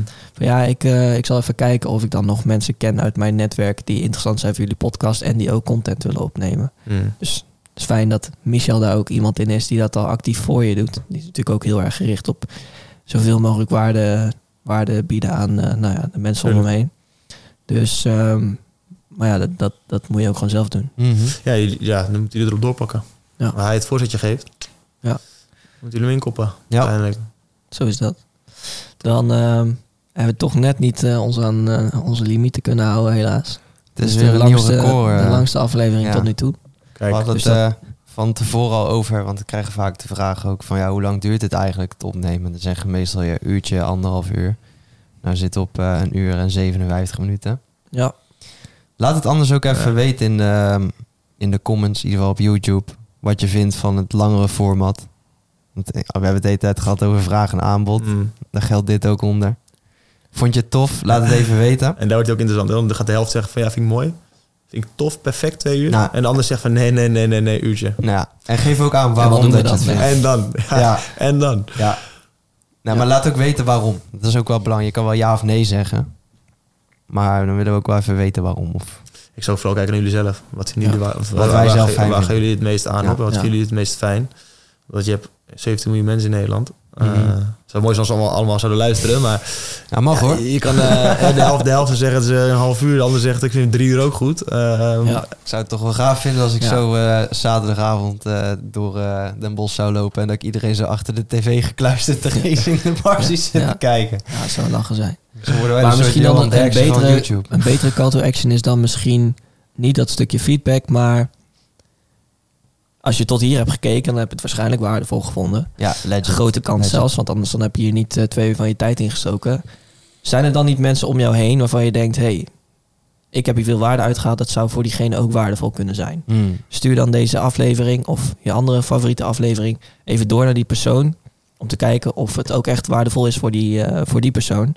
En zoals je weet, zoals we hebben besproken, op het moment dat jij iemand waardevols connect eh, met iemand anders, dan wordt die waarde die diegene eruit had ook deels gekoppeld aan jou. Sta jij er ook weer beter op. Dus eh, dan is dat misschien een, een goede. Dus stuur even je favoriete aflevering door Ja. naar, eh, naar personen die dit wel kunnen gebruiken. En er zijn een aantal lessen hier al naar voren gekomen die nou, voor mezelf in ieder geval waardevol zijn geweest. Dus dan ongetwijfeld ook voor anderen, want zo uniek ben ik toch niet, denk ik. Ga je al, jongen. Ja, Je hebt niet opgelet vandaag. ja. Dat is Ja. een vijfie. Ja, helaas. Nou, dan heb ik niet goed opgelet. Dan hoop ik dat jullie wel goed, eh, goed hebben opgelet. Eh, voor dat stukje van, ja, is het dan te lang of is het, kan het beter kort? Er zijn natuurlijk eh, voor beide kanten wel argumenten te Mhm. benoemen. Dat twee uur aan één stuk luisteren, dat je daar geen tijd voor hebt. Maar juist de verdieping die er weer ontstaat na Een uur. een uur, Ja. wat meer oppervlakkig. Die verdieping is juist vaak het waardevolst. Dus dat is een beetje de afweging dan. Ik denk dat het gewoon eh, toch lekker blijven doen zoals we het zelf eh, fijn ja, vinden. oké. Dus het maakt niet uit wat jullie te zeggen hebben. Het gewoon doen op deze manier. Ja, Maar stuur het vooral door naar je vrienden. Dus dat, Dat, dat inderdaad. Eh, Frank, dan wil ik je ontzettend eh, bedanken voor het langskomen. Ik vond het eh, mega interessant en eh echt gezellig. tof, en een hele, hele aardige kerel ook. Thanks jullie ook. Dat is ook nog eens Ja. mooi meegenomen. Ja, ja. Wij zien Maar- jullie... hm? Frank vindt dat niet belangrijk wat wij van hem vinden. Nee, dat klopt. Dat is ons probleem. Ja. Het is sowieso, jullie probleem. Ja, Maar het is altijd goed om te horen. ja, Ik ben ook mensen. ja, ja, ja, precies. ja. Nou, top. Dan eh, bedankt voor het kijken en of luisteren. En uiteraard tot volgende week ja. bij weer een gloednieuwe aflevering. Au revoir. en later. Bye bye. Ciao, ciao.